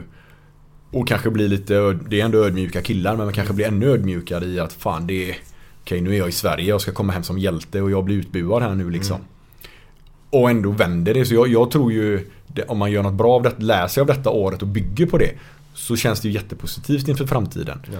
Men man är ju ändå i ett skede Vad innebär det? Vad, vad innebär positivt för Blåvitt? Fansen tycker jag ska hålla i handbromsen eller ska brom- det, Man ska inte bara skrika efter SM-guld Som jag vet, som jag var inne på förut att Blåvitt-fansen gör utan det är mer Kan man igen bli ett etablerat topplag? Typ topp 4, topp 5 Alltså För ser man idag Stockholmsklubbarna har ju cementerat sig i toppen Oh, ja. Av olika anledningar Ja, Ekonomiskt Det var gött att Malmö man, måste jag säga. Ja, men Malmö är ju där också. Helt plötsligt, det är ju fyra. In bland de fyra. Det är ju skittufft. Mm. Sen har du då Norrköping som gör något bra. Och Elfsborg senare. Alltså hör du, då är vi nere på sju, åtta. Alltså förstår ni? Det är ju Och nu är ju skitsvårt. Kalmar och bygger också. Kalmar är där. Alltså ni hör ju. Vad ska Blåvitt in där? Det är ju, det, idag känns det ju så här svårt men lyckas de bli ett av de mer För det jag tycker Allsvenskan senaste bara 5-6 år Har ju mer blivit Det har blivit en skillnad på topp och botten nu. Det har blivit liksom en ganska tydlig kristallisering. Alltså du kan vara bottenlag eller topplag. Förr var det ju mer att Nej men eh, bara typ som Superettan ser ut nu i många år att eh, Du kan vinna två matcher i rad och helt plötsligt ligger du tvåa. Alldeles nyss låg jag åtta liksom. Så är ju inte Allsvenskan längre. Vet du att Gais ledde Superettan efter fyra omgångar? Ja, och nu är de Tre vinster, en oavgjord. Då spelar vi Heja Gais för dem Men, till och med. men eh, i- inte för otrevligt på något sätt men, men guys kommer de ha samma eh, supportrar nu? När de åker ur? Som de hade i Superettan? Det tror jag. Det är 5000 eller vad är det? 4000? 3000 eller vad är det? Jag tror snarare det kan bli mer. Alltså jag tror ju guys Som eh, folket dem, alltså. Jag tror ju guys folket Jag känner några Gaisare och jag inget Jag gillar Gaisare. Jag tycker det är När man snackar nostalgi så är ju Gais en klubb som är byggd på nostalgi och det Mm. kan man ju gilla den här passionen och hjärtat som Gais har. Och några vänner har jag som är urgaisare. Och det är nästan lite så här nu. Ja det är så jävla tråkigt de åker ut men Fan det här är Gais, det är ju vi. Det är ju vi, vi åker ju upp och ner. Det är, Men- nu, jävla, nu jävla liksom ska vi... Det, det, det Men- kan födas något gott Men- om det men då måste de upp. Förhoppningsvis ja. i- Det är ganska ju, snabbt. nu, men då är vi inne på ledningen igen om de kan... Inte ja. guys supportrar väldigt... Alltså upp i åldern. Jo, tror Så det. det, Jag vet det inte. föds inte många gaisare nu. Om man säger så. Ut- Utan att vara elak på något Nej, sätt. nej men det, det Utan den här gamla stammen håller på guys många av dem. Mm. Ja, men de trappar ju av en efter Nej men då blir det barn och barnbarn och så ja, kanske men, ja, troligtvis. Men blir det så då? Nej men idag ser du ju ta ett lag som Häcken som inte fanns ens för 20 Nej, år sedan på nej. elitnivå nästan. Nej. De börjar ju till och med jobba upp en skara och de har ju supportrar numera. Det var ju, alltså jag vet ju de första åren man spelade på elitnivå mot Häcken. Det var ju liksom, vad var det, 230 betalda. Det var ju, alltså, det var ju så. Mm. Så det tar ju tid att bygga något sånt och Ja, Häcken är ju på, på väg att göra någonting. Och där har du också ett lag som vill etablera sig i toppen. Så om vi snackar Blåvitt så... Då kan du tänka på uh, Utsikten, likadant. Ja. De måste ju etablera sig också. För de har ju inte mer än 200 pers på en match. Nej, det är eller- tufft alltså. Ja. Det är, vad ska de få pengar för? Alltså det är ju... Ja, nu, får du, nu får de ju pengar från Unibet. Uppe i. Superettan. Så Ja, men det vet får man. de ju antal miljoner. Nej, skillnaden mellan ettan och eh, super, det är 7 miljoner kronor är det. Ja. Mellan ettan och eh, superettan. I eh, stöd ifrån ja, förbundet. förbundet, Unibet och allt det där. Det är ju, ja. Ja, det är, det är stora pengar att gå miste om där Gaisarna nu. Så Ja. vi får se om Ja, det är tråkigt är det faktiskt. Ja, ja. Eh, Jag är inte Gaisare men jag... Fan men du var inne på Utsikt. Tänk dig en sån klubb som var och kan innan eh, liksom eh, njuta av derby mot Gais och sådär. Och nu bara oj, vad blir det nu? Skövde liksom. Alltså, Ja, nej, nej, nej. Förstår du vad jag menar? Jajamän. Eller... Eh, Ja, det, det var väldigt synd där. nu Du vet kommer, nu kommer Värnamo hit liksom för tre... Är det, en- blir det ens 300 i en sån match? Nej, liksom? inte mycket. Nej, Värnamo mötte Nej, de gick ju upp i Ja, alls... Ja, ja. du fattar vad jag menar. Landskrona De då. ligger i Allsvenskan nu ja. Exakt, ja, de ligger ju i Allsvenskan. för fan. Ja, ja, ja. Helsingborg också. Har de gör- hängde kvar? Han, ja, de hängde kvar. Nej, de gick upp. Halmstad åkte ner. Ja, ja, ja. Halmstad åker ner. Ja, för att Men de, där, där, där ser man ju bra ledning, ledarskap. Alltså just det... Jag är ju en sucker för att leta upp bra ledarskap numera när man är lite intresserad av det. Men Jonas Tern till exempel. Och det de har, han har gjort liksom där. Det, det är ju enormt. Det är Otroligt. jag, bara, bara snabb. Eh, nu måste du hjälpa mig. Bearnaisesås och Jonas Tern.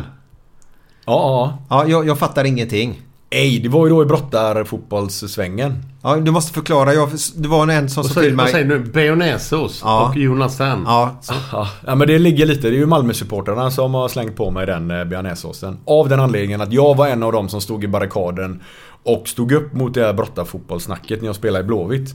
Alltså jag känner så här. Jag gick all in när jag spelade i Blåvitt. Alltså jag ville verkligen... Nej men det var ju min dröm. Det var ju drömmarnas dröm att spela där. Och jag fick lov att göra det. Jag var typ supporter och spelare samtidigt så här, men...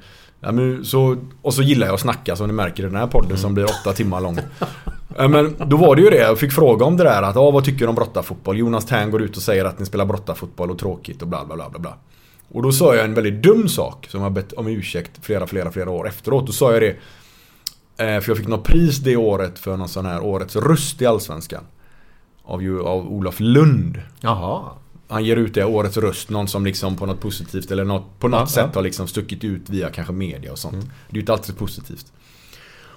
Och då kanske jag innerst inne kände mig lite kände mig lite tvingad på den galan att säga någonting om detta. För då fick jag frågan om, igen om det här med brottarfotboll, Jonas Tern och allting. Och då slängde jag ur mig i media att Ja, för det var ju någon under sommaren som kritiserade oss som hade ätit lite för mycket bearnaisesås, sa jag. Dumt. Och då syftade jag på Jonas Tern.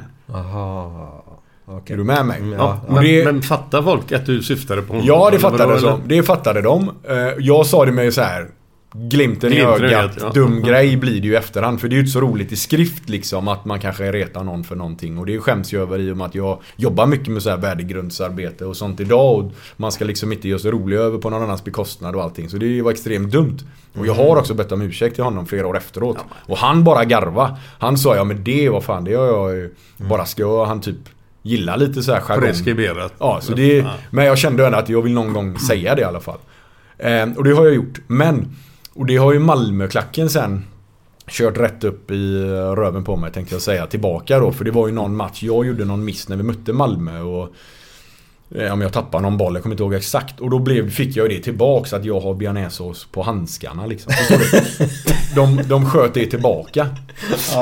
Men genom alla tider just de här... eh, Just de här... eh, Man har klackar som andra motståndare som buar eller som är på en. Det säger jag till alla spelare jag spelar med idag, eller andra unga. Det är ju något positivt. Jag skulle ju inte vilja spela, vara i en miljö där eh, det är likgiltigt, där ingen bryr sig liksom. Alltså sådär att... eh, Jag pratade bland annat med en kollega till mig, Oskar Jansson, som lämnade Örebro efter många, många år till Norrköping. Och det blir ett jävla liv liksom. Och inte han i Leeds eller någonting? Eller fan är han? Nej, han- Oskar Jansson? Eh, Brentford. ja, du menar...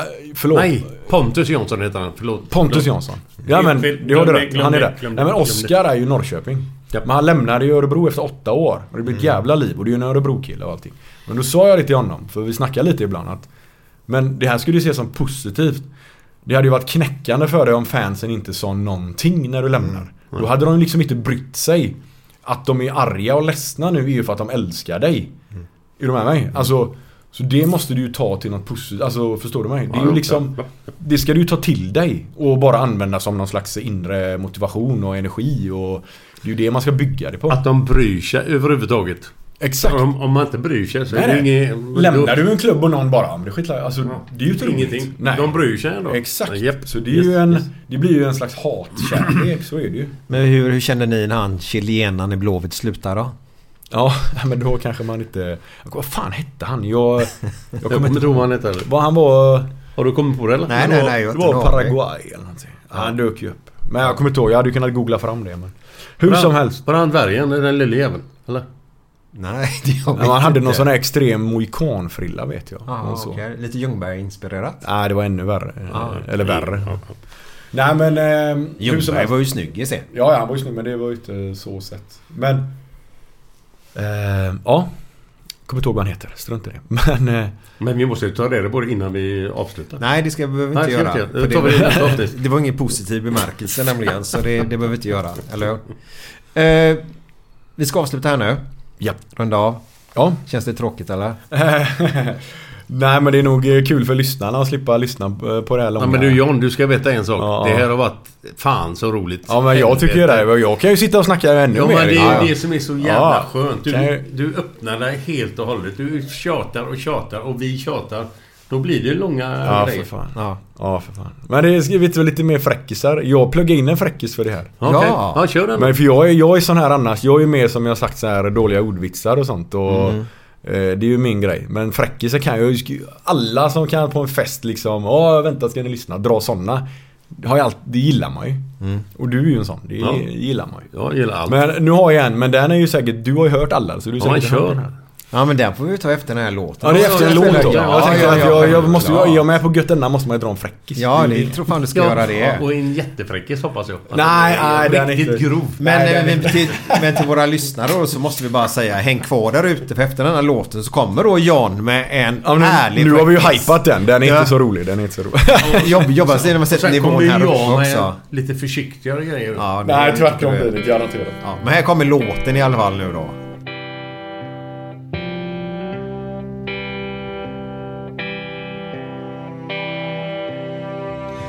Fem på morgonen i New York City går en man i en sliten gammal hatt.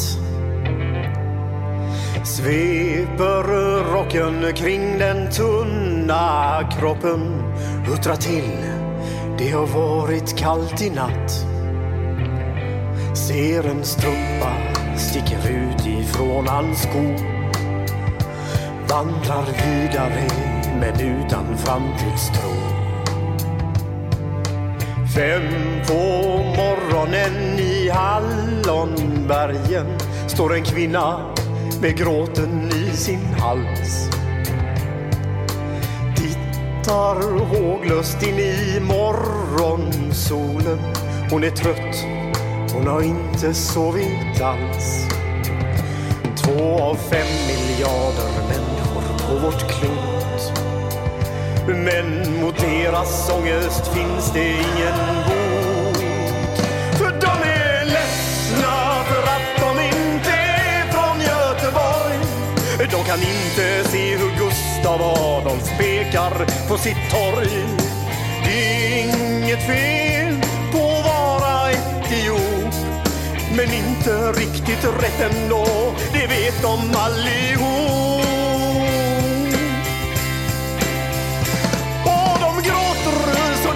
Det när de får en inre syn av hur vi som är från Götet tar en öl på Avenyn.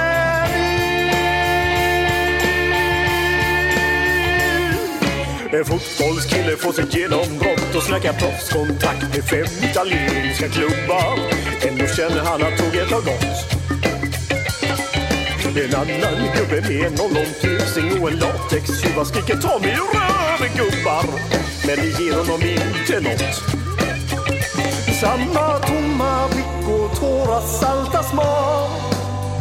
Om man frågar säger båda samma sak.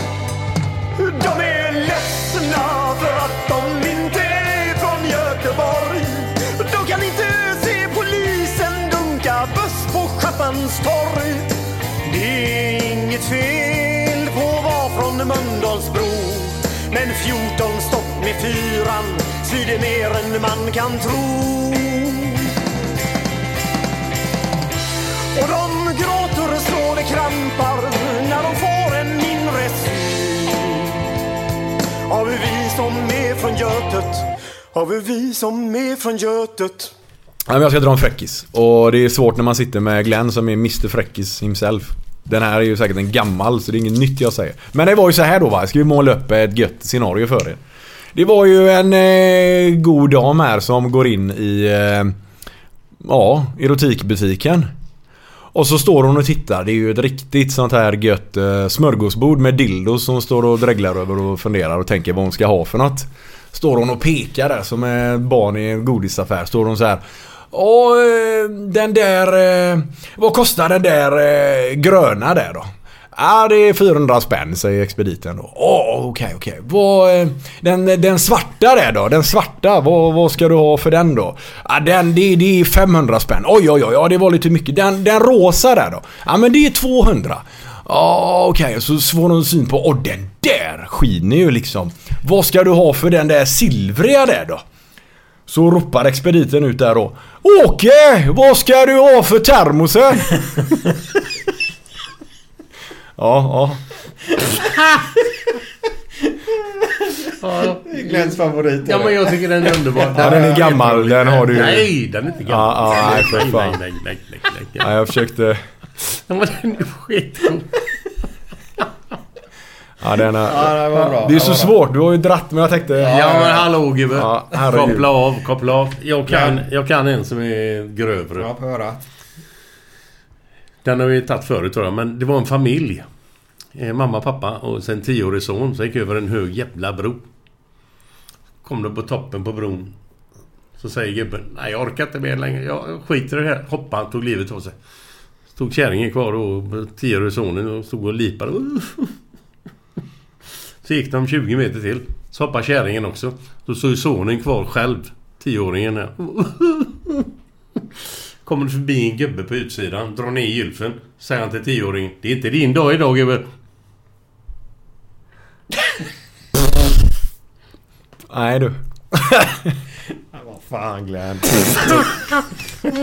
Ja, den är, Jag tyckte den var rätt grov. Ja. den är grov, den är grov. Har du något mer eller? Ja, jag har en till. På sommaren kan det bli jävligt varmt att köra omkring i en Ponti. I en vad? Ja, i en Pontiac utan AC. Åh. Ah, ah, ah, ah, ah, ah, ah. Gillar man, gillar man. Nu går vi ifrån lite fräckisar där. Vad, vad, vad, är- vad, vad, är, vad är bögarnas favoritöl då? Fem kom i tvåan. Jag tror du menar deras favoritväxt. Juckapalm. Nej.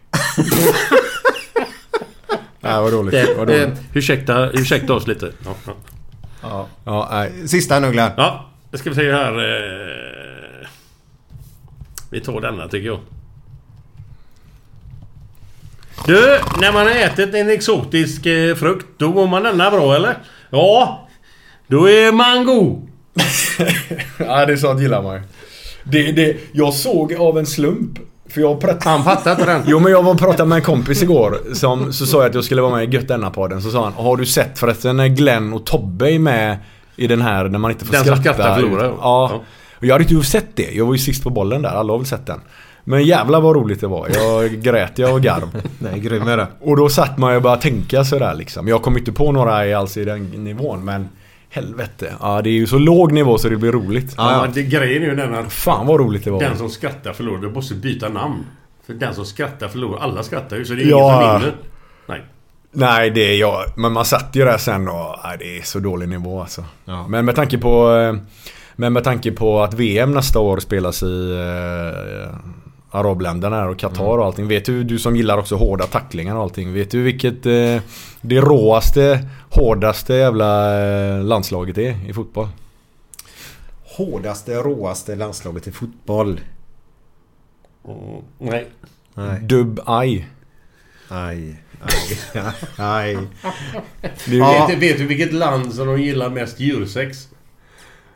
Ja, vad fan var det? Var inte den med där? Nej, säg det nu. Jag kommer inte...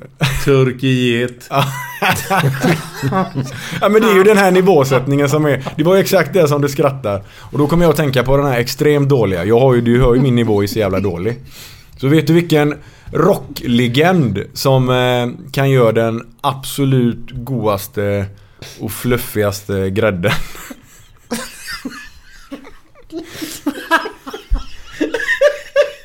Vem är det?